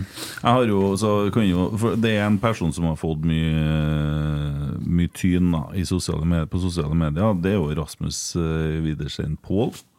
Sa jeg feil? Nei, men Nei. du begynner å treffe nå. Og, men jeg har jo vært og sett på treninga. Han skårer jo noen fantastiske mål. Han er jo en målskårer. Og så er det noe med tida han kommer til klubben, tenker jeg. Akkurat som du sier. Hvis, hvis han hadde spilt på Rosenborg i 2015, og spilt spiss på Rosenborg, sikkert vært dritgod. Bare trengt å stått framme her og ja. Det er jo mange som øh, øh, mange, det er nok, øh, mange som hadde fått det til mye bra i Rosenborg når ting flyter. Det sier jo Mm. seg sjøl. At Rasmus er en av våre bedre, om ikke beste avslutter innafor boksen og på en måte rundt boks. Han er veldig, veldig giftig høyrefot, og han er en målskårer av natur. Mm. Uh, og så er det andre, andre ting i spillet som andre er bedre på. Uh, og så er det litt sånn i 4-3 så spesielt, da, så, er det ofte, hvis du spiller den klassiske hvor, hvor spissen skal være mannen som strekker og oppholder stopper, så har det vist seg i hvert fall å lønne seg med kanskje en større fysisk pakke. da. Mm. Eh, som på en måte Rasmus har jobba med i, i sin tid han er. Men uh, igjen, det er liksom tid, sted, anledning, få Ja. muligheten. Ikke glem den eh, måneden hvor vi fikk litt opptur, som jeg sa, i juli, i juli 2021. Da Mm. spiller Rasmus venstrekant, Mm. hvor vi virkelig fikk litt fart på ting. Og da, da, da er det litt sånn at uh, vi spilte 4-3. Det var vel den første perioden under Åge sånn delvis i hvert fall, hvor vi fikk stilt samme lag på banen over flere kamper. Mm. Eh, litt fordi at eh, vi hadde en del skader, så vi hadde egentlig ikke så veldig mye å, å, å rotere på. Og så fant liksom, okay, Rasmus som jeg sier, Rasmus også, en annen ekstrem egenskap Rasmus har, det er å gå på løp i bakrom. Mm. Som også har vært litt mangelvare opp gjennom de siste årene, den bakgrunnsaktiviteten. Eh, han spilte venstrekant, tok av seg det å strekke. Og så skjønte innløperen ja, men da får jeg rom. Og så skjønte bekken et eller annet. ikke sant? Og så fikk man en fire-fem-seks kamper der som, som begynte. Og det var bl.a. oppe i Island mot eh, Hafnarfjordur. Mm. Eh, og så tror jeg Rasmus fikk en strekk. Mm. Og så var liksom den lille dimensjonen vi klarte å få til da i den perioden borte, fordi at man da fikk inn en annen spiller som hadde andre egenskaper, men som da ikke hadde de egenskapene Rasmus Mm. hadde, og, og relasjonelt da ble annerledes. Ja, Nei, Jeg syns det er litt artig å høre det. For eh, og så er det jo noe med eh, og, og, Når du er og ser på treninga, så ser du jo eh, kvaliteter eh, For det er jo ikke alltid det kommer til sin rett i kamp. For det er jo færre situasjoner. Det er jo ikke så mange ganger ja. Eh, Så da- får du jo på en måte et annet inntrykk av spilleren òg. Du gjør jo det når du er, og ser ofte på trening. Nei, men altså, Rasmus han har jo blitt eh, denne tids eh, Tobias Mikkelsen. Og så tenker jeg på tilbake på han. For det, tenker på hvor mye gode kamper han spilte, men hvor mye tyn Han fikk han òg fikk. Og det er Dessverre, da. Det, det blir jo ofte sånn i en klubb, og det er jo uansett hvilken klubb man spiller i, så er det alltid én som får det. Så kan det vise seg at han faktisk er en av de viktigste spillerne lell, på en måte. Ja, øh, Ja, Ref Tobias Mikkelsen, så er det aldri for seint. For han hadde jo en veldig bra sesong i eh, 2015. Mm. Uh, på kanten. Sandefjord hjemme i 16. mai, vel. Putta vel et par. Løp gjennom i bakrommet. Så, Stå så Bucuresti Nei, jo. jo, Nei, jo. Slå- Slåja ja, vel. Så det, så, så det er på en måte Det er jo aldri for seint. Men det er som sier litt tid, sted, anledning, Mm. flyt. Han hadde et spørsmål til. Hvordan ser framtida ut? Har du trua på neste generasjon med Røsten, Holte og Nypan osv.? Ja, jeg syns det ser, eh, ser veldig spennende ut i den ferdighetspakka de, de kommer opp med. da Mm. Uh, og så er det jo litt sånn at eh, At de eh, kanskje helst i en optimal verden skulle fått uh, uh, en litt mykere inngang på livet som Rosenborg-spiller. Men, og med det mener jeg at de helst skulle slippe å være kanskje bærende krefter allerede. da, Men at, eh, at man uh, fikk kanskje starte eh, i en normal, normalt Rosenborg-år de siste 40 åra. Så hadde de fått starta mot uh, Sandefjord hjemme. da, Så du kom inn på 20 her og 30 der og får trent bra i mellomtida, så du får, eh, får Mm. mengde. Nå må de på en måte hoppe litt eh, rett ut i det, men jeg syns de har eh, klart seg veldig bra. og det er jo, var jo artig, sånn som når Holte ble matchvinner i, Mm. i, Haugesund. i, i Haugesund. Så, så det, det, det, det lover veldig bra for framtida. Og så er man avhengig av, som jeg sier eh, litt innledningsvis, at man må, må få løfta mange ting. Det gjelder også eh, treningskvalitet og nivå på trening.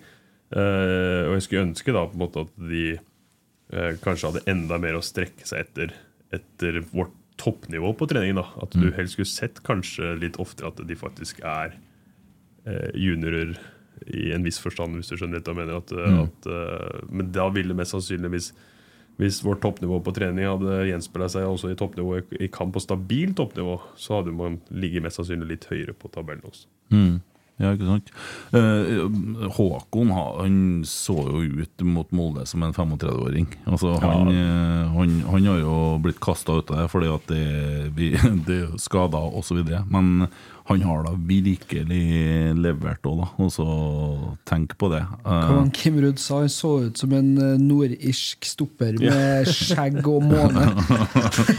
Så god var han. Ja, det er, det er, men det er, som sagt, det er veldig gledelig, og, det, og vi må også ta med at de her skal få lov til å være litt ustabile også. Mm. Herregud, de er 16-17-18 år. Mm. Uh, at, de tror, at vi tror at liksom disse skal være som sier, bærende bjelker hver gang, eh, det, det er å tro litt på julenissen. De må få det til å være læregutter litt sånn som de faktisk er. da mm.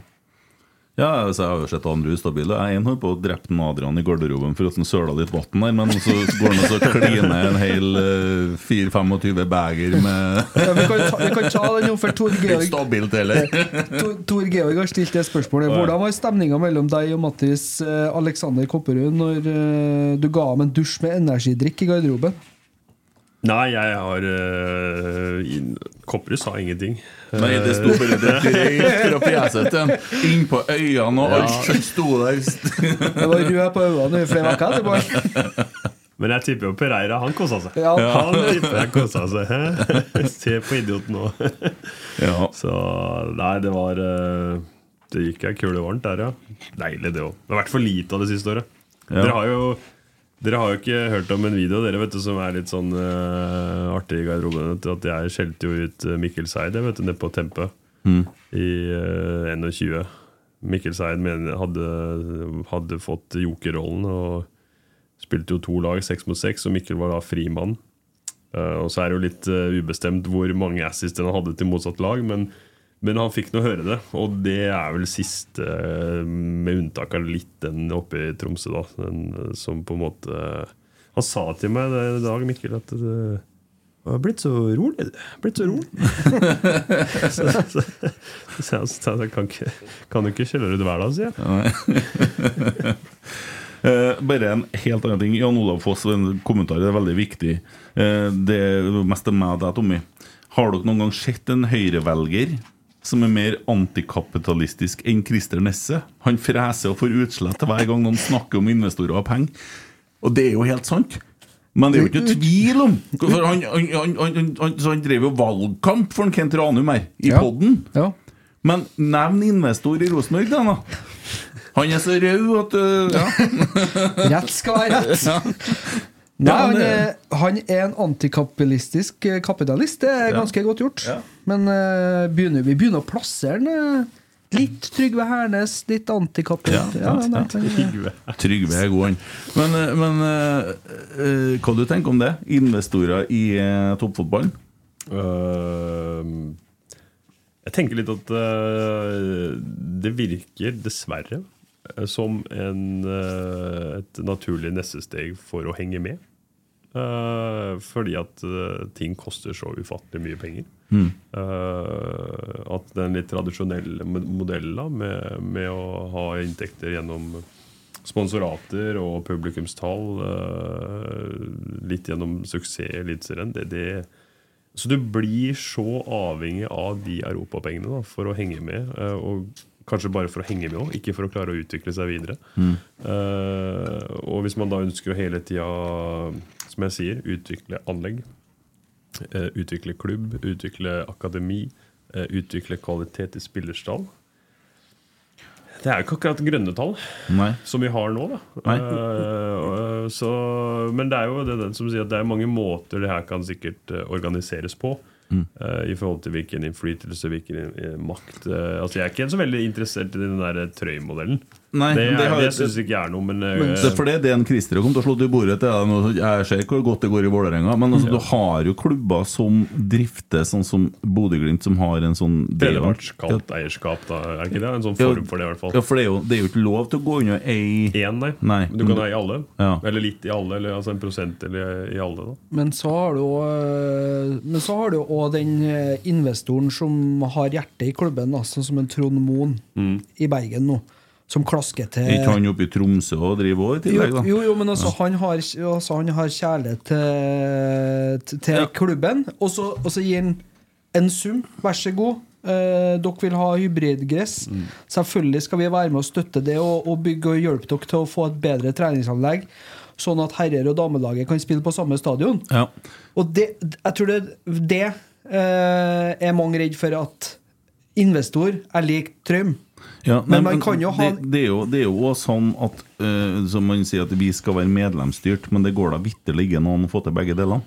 Ja, det, det mener jeg jo. Men jeg håper jo Hvis det her skulle komme på agendaen da i Mm. Rosenborg, om det er neste år eller om ti år altså på en måte ta noen saklig diskusjon om det. ikke sant? Som du Ja. sier, Se på de ulike modellene det her kan organiseres. Se hva det gir klubben. Eh, Både på plussida og på, og på, på minussida. Altså, med hele tida med én målsetting. Det er jo at Rosenborg skal gjøre det best mulig. Mm. Eh, Og hvis det kan finansieres sånn eller sånn, eller sånn eh, men uten noen større negative konsekvenser, hva er det som er så farlig med det? Mm. Om det står som du sier et, et AS i, i bakgrunnen og eier 10% av hver spiller, eller om som du sier at, at en av, av de trønderske investorene er så gavmilde at han øremerker 200 millioner da, til, å, til å bygge tre nye gressbaner, en kunstgressbane og en kunstgresshall. Mm. Eh, hvor damelaget flyttes til Lerkendal osv. Men da må du jo kjøpe opp ganske mye. Da, men Mm. dere skjønner litt hvor jeg vil hen? Mm. Ja. Nei, altså, jeg, jeg for min del jeg sier at uh, jeg er interessert i å lære mer om det. Uh, fordi at uh, det, det er veldig mange som Nei, det er sånn. Men det, jeg tror ikke det er bare sort eller hvitt. Jeg tror det finnes nyanser og muligheter der. Og eh, ja. Jeg har et spørsmål til deg, Kent. Jaha. Lasse Kolsvik lurer på om du har vært ute med leserinnlegg i Adressa òg? Nei, nei, nei, jeg har ikke, det. Det er ikke meg. Men uh, helt riktig, jeg leste det, jeg kjente igjen bildene. Det er akkurat sånn jeg ser det. Har det. de, skudd, har de endelig skudd opp varmen i pirbadet? Nei, men det var Altså, jeg har litt sånn fobi mot sånn fellesdusj og sånn, og det er Ja, okay. noen som har noen, En dame som har tatt seg tid til å ta bilde av alt møglet uh, og alt det driten Oh, ja. som- det, det, er, Og det er for meg så heslig. Altså, Begynner å gå og vasse opp i fotsoppen til andre folk. Ja, det, det er ikke det. det. Nei. Og det, det, det, det er altfor mye DNA der til at jeg, jeg klarer ikke. CSI skal jo slite med å finne morderen i Pirbadet. Ja. Ja. Martin Rosenborg, hva er din beste kamp i Rosenborg-trøya?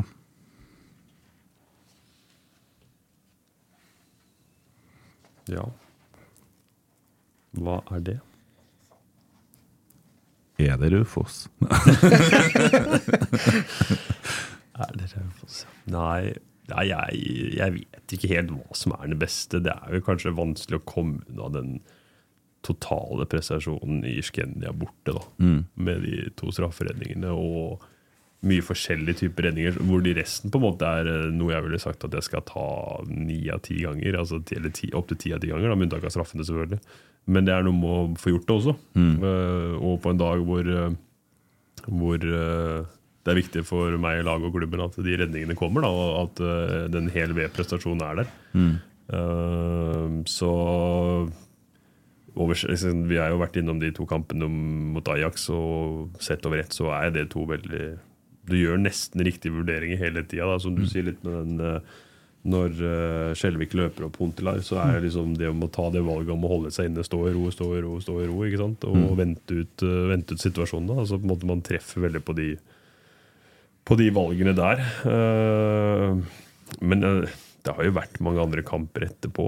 Men eh, det er vel kanskje de som blinker seg ut sånn. Det er det du blir sittende igjen med når du er gammel og sitter og mimrer. Så er det det som kommer opp først. Ja, men det var, det var ganske Jeg husker den første kampen Bucuresti borte som du var innom. da Det også var en veldig bra kamp. Altså. Mm.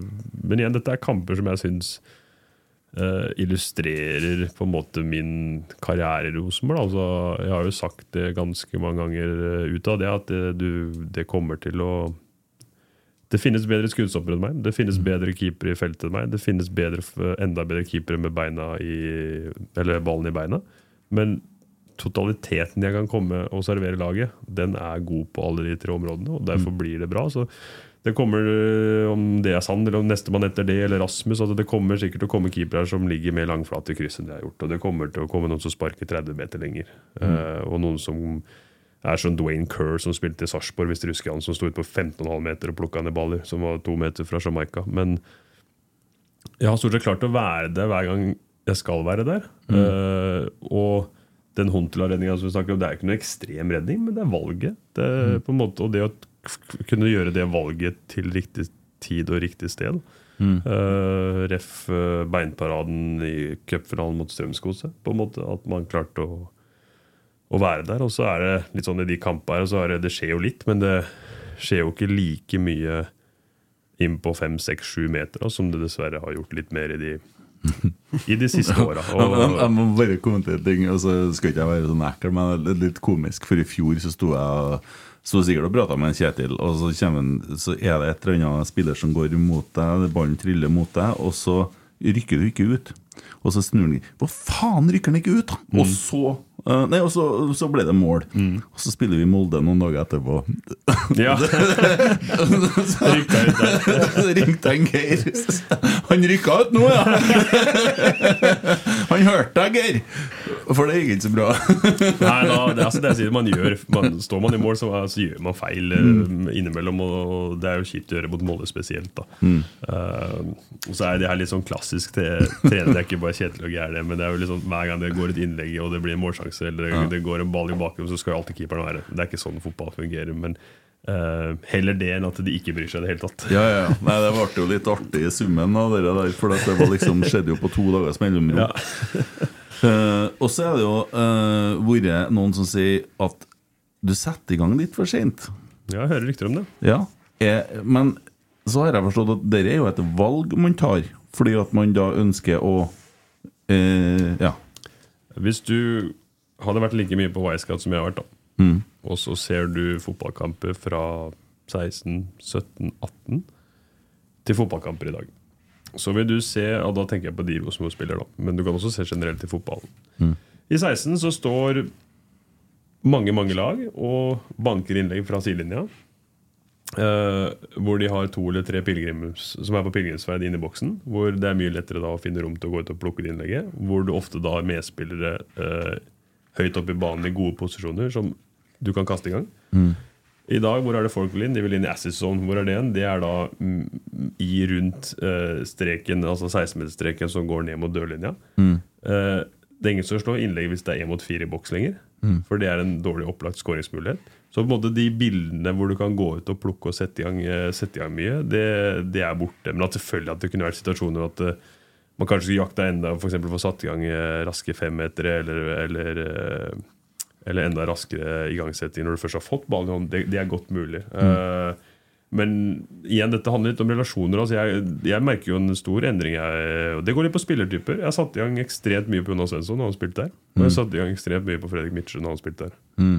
Så det er litt på en måte det å De hadde noen ferdigheter som gjorde at de ofte var i posisjon til å bli satt i gang kjapt òg. Mm. Og da hadde man en, en, denne såkalte linken. da Mm.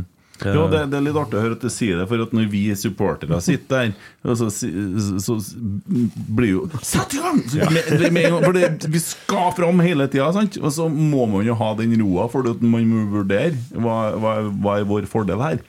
Og det er, jo, det er jo det du må gjøre.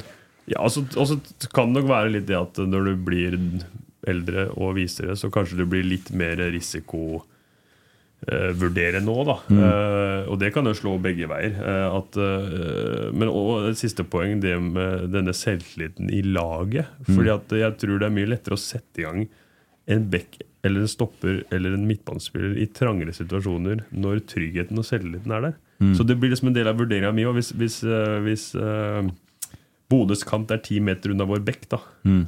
og vi er ikke i flyten, skal jeg sette den i gang kjapt og sette han da i potensielt trøbbel? Eller skal jeg la han slippe det og sette ut laget, eller vente til at Bodø har sluppet seg? Mm. Eh, og så kan det at man der i for stor grad har tenkt litt for defensivt og for mye på medspillerens ve og vel. Eh, men eh, det blir liksom hele tida som balansegang. da. Mm. Eh, Så Men jeg har jo hørt altså, Jeg liker jo sånn type eller, jeg forstår, Det er fair enough med sånn engasjement. Det er derfor det er supportere av oss og av klubben. Mm. Og har så- således rett til på en måte å uttale seg om sånne ting. Eh, noe jeg blir mer forbanna over, er når folk står eh, bak eh, målet og ber oss sette i gang mot et lag som står klink mann-mann i høyt press, Mm. eh, og hvor det i lang lang tid ikke har vært en prioritert del av vår trening. Mm. Da tenker jeg at da har ikke innsikt. Da kan du, får du bruke åpenheten altså, for å komme og se på For det er til syvende og si- sist jeg som bestemmer risikoen bakfra. Da, og, jeg bestemmer, og når vi da ikke trener på det i stor grad, for det har vært mange andre ting i spillet som vi har prioritert over. Da, spesielt ikke sant, offensiv samhandling, presspill, eh, hvordan det fungerer. Mm. Så setter jeg ikke i gang. Mm. Eh, og det er flere Jeg husker det var en situasjon der i fjor, jeg lurer på mot, eh, eller om det var, i våres. Uh, får et tilbakespill og jeg opplever at Brann går opp i mann-mann. Da. da spilte vi jo en femmer. Så da blir det fort at wingbacka var høy, ikke sant? og så går treeren frontrøren til Brann i, i de tre stoppera. Eh, og det er ofte ikke så lett å finne den korte løsninga, spesielt hvis du da har spilt deg bakover. Mm. Eh, og så husker jeg at det står venter og venter. og venter Og til slutt så slår jeg en strøken 50 meter på Markus, som da spilte midtbane tror jeg, den kampen. Så lander på brystkassa, og så er det en eller annen som står bak meg og mener at jeg skulle satt i gang kort. Eller at jeg spiller aldri eh, spiller aldri kort. Og da er det sånn Hallo! uh, igjen, jeg liker engasjementet, men da må du Og så må jeg ta med en siste ting. At det her, jo, det her, for det her er en sånn kjepphest for meg. Ja. Jeg har veldig forståelse for at Rosenborg skal være framover. Eh, men på våre cornere, når den ballen blir hedda ut, Mm. så skal ikke den heades rett inn igjen eller slås rett inn igjen. Hvis den ender ned hos meg, så mener jeg at det i ni av ti tilfeller er bedre at vi mister ballen og får målsjanse imot. Mm.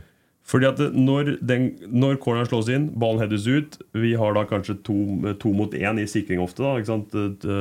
Én spiss fra Stabæk og så to fra Rosenborg. Mm. Så er det egentlig ingen av de som rekker å komme i posisjon til å slå et godt innlegg igjen. Mm. Stabæk vil da pushe ut i struktur, mens våre spillere må løpe med huet og ræva hjemover i ustruktur. Mm. Eh, ergo er sjansen for å skape noe mye mindre enn sjansen for å få noe imot. Og Det der er en, en taktisk vurdering. da Mm. Uh, Hvor ja, vi ønsker å komme ned til meg for å starte på nytt, men jeg vil heller ha det enn at vi slipper etter mål. Mm. Så, så at ja, Det er liksom sånn Det er, det er så mye på akkurat det der, og det er ikke for at ingen Hadde det bare vært å slå inn og skåre mål, så hadde vi gjort det. Ja. Jo, jo, jeg syns det er veldig interessant, og så er det litt artig å kunne sitte og snakke med deg om det òg. For vi, vi har jo sittet her, og Tommy sitter og kommenterer kamper og krauker seg blå her ute og ja, oppe på Lerkendal og kommenterer òg. Altså, jo- Men det er jo litt sånn artig å se det fra, fra dine øyne. Det, Men, men jeg er enig at vi vil finne situasjoner hvor man burde ha satt i gang raskere, eller på en måte eh, fått i gang spillet på en annen måte. Eh, det, det er det ikke noe, noe tvil om. Men eh, At vi kunne utvikla det spillet mer. Men det, det har ofte veldig med at du, du får plukka ned innlegg ofte. Mm. At du, Det er da det er lettest, for da er motstanderen på en måte i, i, i ubalanse. Men når du liksom i hvert fall mindre, eller of, eh, mer sjelden har disse kall det polerne, da, Mm. så er det ikke like lett å få, få satt i gang kjapt. Nei, det er klart I en innleggssituasjon så er det jo tre-fire mann som er på, skal være Mm. på full fart inn. Mm. Og Hvis du er ute og plukker ned den da, så er det jo tre-fire Som er, spillere som er ute av posisjon. Ja. så det henger litt, det henger litt sammen. Fader, nå men begynte å forstå det der òg, så kan jeg ikke Nå blir det vanskeligere å kommentere. Nei, men det er, det er interessant. Jeg, jeg, og jeg har lyst til å spørre om noen ting. Uh, I fjor spilte vi artig angrepsside fotball, ja? Uh, ja, i mange kamper så gjorde vi det. Uh, men vi spilte jo eh, Og vi spilte en form for uh, Kall det rask, uh, rask Ofte kontringsfotball. da At vi fikk gunstige brudd, og på en måte spesielt etter som jeg sier at etter, etter Kasper kom, at vi var, var kyniske og direkte på en måte i angrep på målet. da Mm. Eh, så, men det er, det, det er liksom som øyet som ser. Da. Jeg synes jo Mye av det dere snakker om framover da. Jeg synes jo litt ref, Du ser jo mye treninger. da Uh, Og mye av det jeg opplever i de første åra, at vi er best på Hawaii-fotball. Mm. For da får du det du kan kalle en kontring eller en semikontring. da Mm. Eh, jeg kan vel Jeg tror ingen av de årgangene jeg har vært en del av, spiller den type etablert fotball som Bodø har utvikla etter hvert. Mm. Uh, Men i de åra hvor vi vinner seriegull, så er det ingen som møter oss med den type motspill som man har i dag. Hvor Nei. man klinker 5-3-2 ned i egen boks og ødelegger alt som finnes av rom. da Mm. Um, og det er jo også den vanskeligste delen i fotball. Dette, dette etablerte uh, angrepsspillet. Men uh, vi skårte mye mål, det kan vi i hvert fall bekrefte. Mm. Ja, jeg vil legge til en ting til om Håkon, for du snakka om å gjøre feil. Eh, Jeg er usikker på om det var noe mot Sandefjord, eller hva det var, men han gjør i hvert fall en feil. Men så er det det at han klarer å riste den av seg med en gang, og så eh, bare være god igjen. Eh, Det er jo en egenskap, og det, den tror jeg kommer mer med årene, ikke sant? Ja, og så tror jeg også den ligger litt latent. Ja. Men jeg, jeg, som du sier, at den evnen til å legge det raskt det raskt bak seg, den øker jo hvis man, hvis man er bevisst på det og, Ja. Og får det til. da Ja. Uh, Men det syns jeg egentlig alle de yngste som har kommet opp, har vært flinke til å Syns det er få som har vært prega, på en måte, av, eh, av småfeil eller, eller større feil av de Mm. si under 20 da, som har spilt nå i, i år. Det syns jeg har vært, vært bra. Håkon og Sander er jo ekstra utsatt, for de spiller Ja, de spiller jo bak plasser der det får ganske store, Store konsekvenser. konsekvenser. Ja. Mm. Så Det ja. klart det, det letteste som finnes, er å spille spiss. Fordi at De gjør mest feil, de. Eh, Jo, men altså, det er klart at eh, det er lettest å få store overskrifter hvis du scorer, men eh, hvis du ikke scorer, så kan man jo skylde på resten av laget for at man ikke har skapt eh, mulighetene. Det er klart Hvis du bommer på fire eh, åpne mål, og så kjører en Tore André Flo og skjøter den over fra én meter, da kan jeg forstå det, men det, det er lettere å Jeg har tenkt mye på akkurat det du sier der. Om det liksom ikke Eller ikke mye. Altså, jeg sitter ikke og tenker sånne ting hjemme, altså, men, men øh, øh, om, det, som du sier, om det er spissplassen. Men jeg, jeg tror samtidig at de er så egenrådige og på en måte så fokusert på det målantallet at de legger det ekstra presset på seg likevel. Altså, på en måte men, men de har selvfølgelig ikke det, det den, De får ikke den overskrifta som en keeper eller forsvarsspiller gjør når feilen kommer dagen etterpå. Det er jo mer at når spissen får denne rekka da, uten, uten mål, at det først blir en sak. Da. Men jeg, Mm. jeg tror på en måte at de fort kan gå igjen med den samme skuffelsen uh, som en keeper har etter gjort en feil, da, hvis de ikke har skåret et mål. Veton Berisha har jo hatt noe Ja, det har jo vært en uh, tyngre periode for Veton. Ja. Det, Ja, hatt noe Dere bommen der, når han ikke hadde fått noen mål ennå. Det er liksom sånn Det da, blir, det blir et bilde, da. Ja, det gjør jo det. Johan Olav Foss sier trist at du drar, men når du først skulle dra Sander Tangvik i form og særdeles lovende, i tillegg over Rasmus Sandberg. Fremtiden på keeperplass er vel tross alt lys? spørsmålstegn. Ja, jeg vil jo si det. Mm. Det, øh, det er øh, vanskelig tror jeg, å finne noe bedre og større ungtalent i Norge nå. Det, Sander har vel øh, Sjøeng da, som konkurrent, da, som øh, også har fått spille en god del i, i Vålerenga. Og så har du Rasmus som har gått en litt annen vei. da. Mm. Eh, ikke nødvendigvis en dårlig vei, men gått en litt annen vei. Eh, så det blir veldig spennende. Og Sander har jo kommet veldig godt i gang. Og det er på, veldig positivt. At man på en måte At han har fått vist overfor seg sjøl og for lagkameratene at han har noe å, å fare med. Det var jo for så vidt ikke noe tvil om, da, men det er det å få, få det ut med en gang. da. Mm. Uh, og så neste år så er det jo på en måte Da starter du litt på scratch i den forstand at uh, at uh, har man en førstekeeper, og hvis det blir Sander, så, så skal han jo på en måte etterleve eller opp, eh, oppfylle noen krav og forventninger om det. Og han skal innom medgang og motgang og Mm. en skade eller to, og en keeperfeil og en god redning. og så på en måte Hvordan fungerer skallen? Det er det ingen som vet. ikke sant? Så det, men eh, men eh, så har de en dyktig keepertrener i, Lunda, så, så det blir veldig spennende å følge dem. Det gjør det.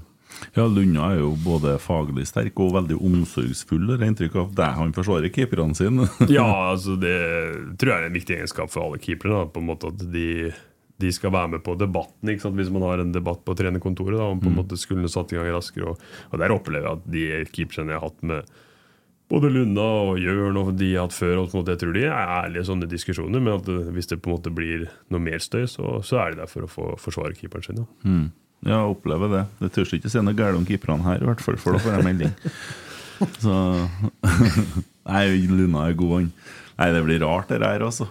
Ja, det, det blir merkelig. Det, det har jo vært en eh, eh, Kall det en epoke, da. Mm. Uh, I mitt liv, og kanskje i Rosenborgs tid, om at, uh, at jeg har vært der så lenge, da. Mm. Det, Du er siste gjenværende av denne gullgjengen? ja, det begynner å bli noen stund siden òg, at, at den siste mannen reiste derfra. Eller var vel Even, kanskje. Du har jo for så vidt Erlend, som var med i 18 og spilte vel faktisk noen kamper i 16. Kanskje ikke serien, men jeg husker han i hvert fall spilte på Nessotra-cupen. Ja. Uh, Olaus var jo også en del av, av den gjengen, da. Uh, men ikke med så mye spilletid. Da. Så får jeg jo håpe at de at de to og de som er der etterpå, skal få deg til å oppleve noe av det samme som jeg har opplevd. Ole Selnes nå, da. Ja, Ja, selvfølgelig. han- Bak- han er fra Ole er 2015. 2015, ja. Og så har jo Markus uh, vært med vel å vinne i, i Rosenborg-drakt også. så Ja, det- var er vel det til 2010. Hamren-tida, sikkert. Ja. Ja. 2010 under eggen, tror jeg. Ja. Ja. Under eggen. Ja, nei, det jeg kan si det. Det er lov å si det. Ja. Øyvind Kalsås lurer på om du har lært deg trøndersk, og om ja, snakk trøndersk. Nei, jeg har ikke lært meg trøndersk, men dattera mi lærer seg trøndersk, så det blir jo mye hva da Nei, altså det Trøndersk er, eh, det er et sp- dialekt som ja, dere skal få lov til å ta vare på sjøl, men den er jo litt artig. da den er, jo- Men det passer seg best på klokka fire på lørdag. Altså 04.00. Ja, ja, ja. Eh, bare for å ta med en Marius Vangen. Kunne du og Mike Jensen vært et topptrenerteam i fremtida? Vi får se, da. Jeg veit at Mike eh, Mike er vel godt involvert i sånne type ting nede i Køge. Mm. Så snakka litt med Mike her i fjor, vel. Ja. Uh, hvor han, han er- spiller vel fortsatt aktivt, Ja. tror jeg. Ja, jo. Spillende Han hadde fortsatt. spilt stopper. Sånn. Mm. Det var uh, Det var ikke så lett, sant? Nei. Så folk tror at det er lett. og Det var ikke så lett å kunne bekrefte. Ja. Og så vet jeg at han på en måte tror jeg tar disse tidligere Altså de tidlige, på tidlig stadie trenerkursa. Og så tror jeg han også eh, er med litt i, i klubbdrift, da, eller uh, får være tett på klubbledelse. Så Så Ja, for du kommer til å bli sportsdirektør eller noe sånt Nei, vi får nå se. Altså, det, er, men det er interessant. Det som, jeg syns fotball er interessant. Jeg synes taktikk er interessant. øh, men det er jo fotball er mye mer enn det òg. Det er jo følelser, og det er det vi snakka om i stad, det som er gratis. Mm. Det er alt dette som gjør at ting blir bra til slutt. Men det som er kanskje vanskelig med den trenerbiten, er jo det, som jeg sier, den pedagogikken. For det er liksom ikke Det ligger jo også litt sånn, kanskje litt latent i den enkelte om man er god på det eller ikke. Og det har ikke jeg snøring på å være god på. Men når Mikkel, Mikkel sier at jeg er blitt roligere, så er det positivt, tenker jeg. Ja, ja. Det Men du har jo hatt utrolig mye trenere òg. Du har hatt mye keepere i lag med deg. Jeg satt og kikka gjennom hvem du har vært Så jeg fant ut at Lunna var jo sammen med deg. Og, ja. Arild og ja. Blondak hadde vi her, og Ja. Karasai og Failund og Sander og Rasmus Ja, det har vært. Vi hadde jo Det var jo stabilt eh, når Arild var her. Da var vi jo, hadde vi et stabilt team. Arild var skadefri, og jeg var stort sett skadefri. Så vi, vi hadde et veldig bra Vi, vi samarbeida veldig godt. da Altså Jeg hadde forståelse for og Det er også viktig i en keepergruppe da, på en måte å ha forståelse for hverandres roller, for de fleste har vært i begge. Mm. Så jeg forsto på en måte når Arild var frustrert over at han ikke fikk en kamp i ny og ne, eller og at han kanskje hadde vært og banka på døra til Kåre. Eh, det hadde jeg veldig stor forståelse for. Uh, samtidig som han på en måte aldri lot det gå utover treningssamarbeidet vårt, eller hvordan vi snakka til, hver, til hverandre. Mm. Uh, så jeg opplevde også at han unna meg den suksessen både jeg og laget hadde i den tida. Og at det, han spilte jo tross alt ti kamper i 2017-sesongen, blant annet. Han var jo Mm. en sterk bidragsyter til at vi kun stoppa på 20 baklengs i året i Eliteserien. Han hadde Mm. vel tre av de fem kampene han spilte, holdt jo nullen. Mm. Uh, så det, det 2017-året det viser liksom en, en, eh, en eh, Eller hvor viktig et keepersamarbeid og en, en keepergruppe kan være, da, i form av hva vi oppnådde resultatmessig. Eh, men jeg tror også det er viktig overfor resten av gruppa at de kan se at keeperne går godt overens. Da, at det Ja. har en positiv effekt på gruppa. Ja, for dere er jo egentlig noen raringer som står alene borti banen og holder på for dere sjøl mye godt uh, på treningene, og så er dere med ja, noen dager er dere nesten alene hele tida. Ja, det, det, det er jo mange mener at den Altså Keepere har jo litt sånn, vært litt stigmatisert. Da. Altså at De er jo sjuke i huet og altså det er spesielle. Og det tror jeg er ganske få igjen av. Mm. Eh, men det tror jeg også har litt med at eh, før i tida så opplever jeg at eh, da var det jo ingenting med laget. Mm. Da var det jo bare med seg sjøl. Da blir du sikkert litt gæren. Mm. Så Ja, at, det- eh, Men er du en sånn emosjonell type? Sånn, det blir jeg ikke i hele tatt. Så når at du, hvis du nå starter eller kommer inn på for å bli takka av, noe sånt på søndag, så er det ikke en tåre? Det er ingenting? Nei, jeg sliter litt med den tårekanalen. Det, Men jeg, jeg har på en måte Jeg skal skrike for Jeg det. skal si, ta det helt med om Kent kommer til å snufse oppi bua sammen med meg, han, så det går fint. fint. skal jeg kommentere? Ja, det skal du. Å ja. Jeg kan stå opp her og ause ned og Åpen dør, altså kast. Ja, tror du det, altså? Ja, altså det Det hadde vært annet hvis du skulle ha lagt opp, vet du. For da har det Ja, liksom det kan hende at jeg hadde følt mer på det. Men altså, jeg, at jeg føler på at, det, at jeg har følelser rundt det at dette nærmer seg slutten, det har jeg jo. Mm. Uh, og du har nok av tid å- på et uh, gutterom på Scandic og tenke på hva som har vært og hva som kommer. Mm. Uh, men akkurat det med tårer, det trøbler jeg litt med. Jeg skal nistirre og se om jeg ser Ja. Skal vi snakke litt om den kampen da vi møter Strømsgodset? Eh, det er jo en for vår del egentlig helt ubetydelig kamp, men det er jo litt viktig i forhold til å opprettholde eh, interessen og ja. Ja, og så tenker jeg at det er viktig for de som alltid kommer og betaler noen kroner for å komme og se på. Mm. Og som tar eh, spesielt lange veier, altså den lange veien fra Fosen eller fra Levanger eller, eller rundt om i, i distriktet. da, At, at man går på, på det for å gjøre en eh, god siste hjemmekamp. Eh, Det syns jeg er viktig. Og så tror jeg eh, alle liker jo helst å avslutte fotballsesonger med noen seire. Mm. Uh, og vi har vel også da en uh, kamp å revansjere fra sist gang. Så det er um, mange sånne kalde mentale pinchpoints som ligger i potten. da ja revansjere Sandefjord.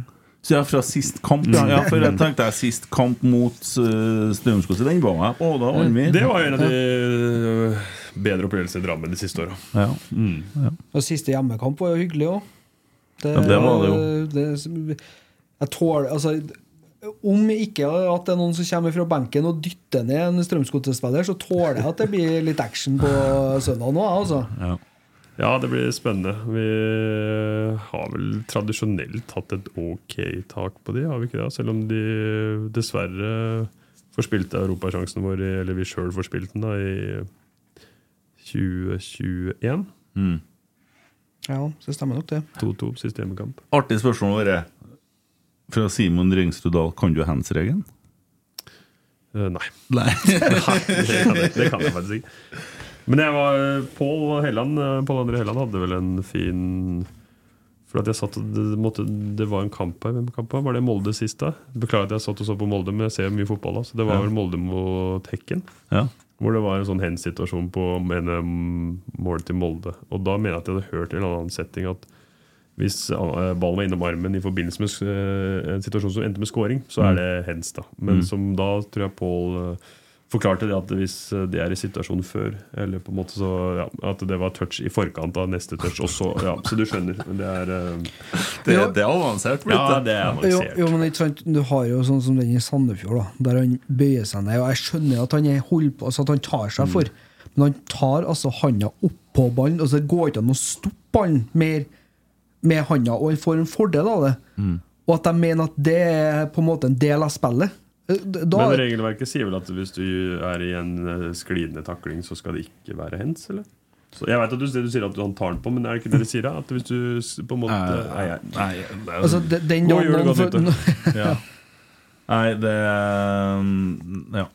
Jeg tror vi har begynt å få fått unna. Det, det er ikke alle spørsmålene vi får med, for det, det, vi- det kan vi ikke. Du skal jo på Jeg kan jo trening i hilse morgen. fra Jørgen, eh, Håvard, eh, og så er det Hilde Loktu, Remi Sjøbakk eh, og ganske mange flere som eh, vil si tusen takk for god og tro tjeneste. Ønsker deg all lykke til videre. Jeg må jo si takk selv for, eh, for, eh, for støtten. Som Sondre Lidahl har et dilemma til Ja, deg. Det er litt okay. viktig at du svarer rett på. Rasmus og Saga eller Rotsekk? Begge begynner på R, da. Ja. Eh, nei, jeg syns det har vært trivelig begge steder. Altså. Så jeg tar, som gjort i Rosenborg, jeg tar et politisk standpunkt om at uh, At uh, verken det ene eller andre var verken bedre eller dårligere. Så det har vært hyggelig. Vi tåler den. Ja, det var veldig koselig at, at du tok turen til oss fra Scandic. Eh, Det er ikke så lange turen, da. Nei, Det er jo spennende alltid som i Trondheim å se hvordan været er når vi går ut herfra om et par minutter. Da. Det Ja. var jo snøkaos på vei til Scandic, og så var det pent på vei bort hit. Ja. Uh, så får vi se. Det var jo forhåpentligvis eh, ikke så gærent som det var i går når det kom til glattis. Mm. Det var jo begynte å fryse på bra i går. Så. Jeg lurer på hvordan Anders Øyen har det her dagene. Ja, det, nå så jeg at på søndag så var det vel uh, mindre uttrykk for snø. i hvert fall Det tror jeg han er ganske fornøyd med. Og så er han vel ganske fornøyd med at det er over på søndag for den gressbanen, tipper jeg. Ja. Ja, jeg det, tror du han bytter dekket til neste år? Til kunstgress? Nei, men Nei, men at gresset skal skiftes? Nei. det tror jeg ikke. Nei, De skjærte den jo Ja. i våres. Ja. Vi må jo skjære skoglund. Det er for mye løsmasse på den eh, Mm. for de som er interessert i å høre om sånne ting. Men det er viktig for å få en god treningshverdag. Det- Og det er en naturlig prosess. da At opp gjennom åra så, så vokser det løsmasse, og så må man fjerne det. Så det skal vel gjøre, tror jeg. Eh, utover det så, så tror jeg ikke det skal skje så mye på den anleggssida. Nei. Jeg, jeg er jo veldig interessert i sånt. ja, men altså det, vi har jo hatt eh, egentlig eh, de siste, altså egentlig hele min periode hatt en fantastisk uh, Lerkendal-matte. Altså. Det er Spesielt da etter at du bytta i 16, vel. Mm. Det var vel ikke så artig for øynene den første kampen der eh, mot Godset hjemme når ballen spratt over beinet på Tore, husker jeg. Da, eh, Ja. da var det ikke så artig, tror jeg. Da, men eh, nei, de jobber på, de gutta. Ja, ja de er flinke. Ja, jeg tror vi holder på å lande nå. Så um, vi sier vi tusen hjertelig takk for innsatsen, da. Og håper jo vi får se deg på uh, innpå matta en av de to siste kampene. Uh, Det har vært hyggelig, det. Så Håper vi at vi kanskje får se deg i en rolle i Rosenborg eh, en annen gang. hvis du skal bli sportsdirektør, kan ikke du være sportsdirektør en annen plass først, så ikke vi bare tar inn sånne som har først. Ja, så det jeg tenker uansett at det er viktig å det er viktig å skaffe seg litt erfaring litt forskjellige steder. Så, Ja. så får vi se hva som, eh, hva som blir eh, det neste enden på visa for min del. Altså når fotballkarrieren er, Mm. er over. da, Men det er greit å på en måte se litt, se litt rundt hva, hva, hvordan folk løser ting. eh, og Det er jo mange veier til rom, og noen har mer penger enn andre. Og, Mm. og, og velger derfor forskjellige løsninger. Så Ja, fortsetter vi som vi holder på, så har vi jo bruk for en god advokat uansett. Ja. Der kan det kanskje vise Ja. Yes. Nei, men da tror jeg vi takker for stunden. Og så som sagt, lykke til videre. Ja, og ikke fullt så lykke til neste år. yes. Takk for i dag. Snakkes. Posisjon, den kommer seg nydelig ut, og dessverre nå på ned på dørlinja. Inntil Leo Kordic spiller gjennom, og der er det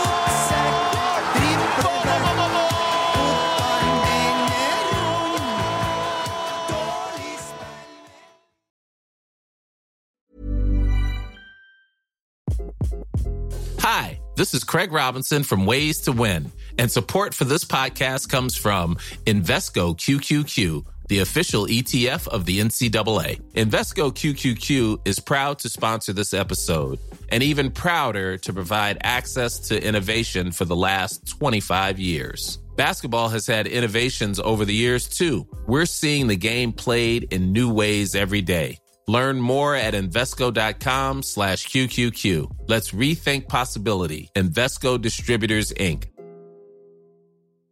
Even when we're on a budget, we still deserve nice things.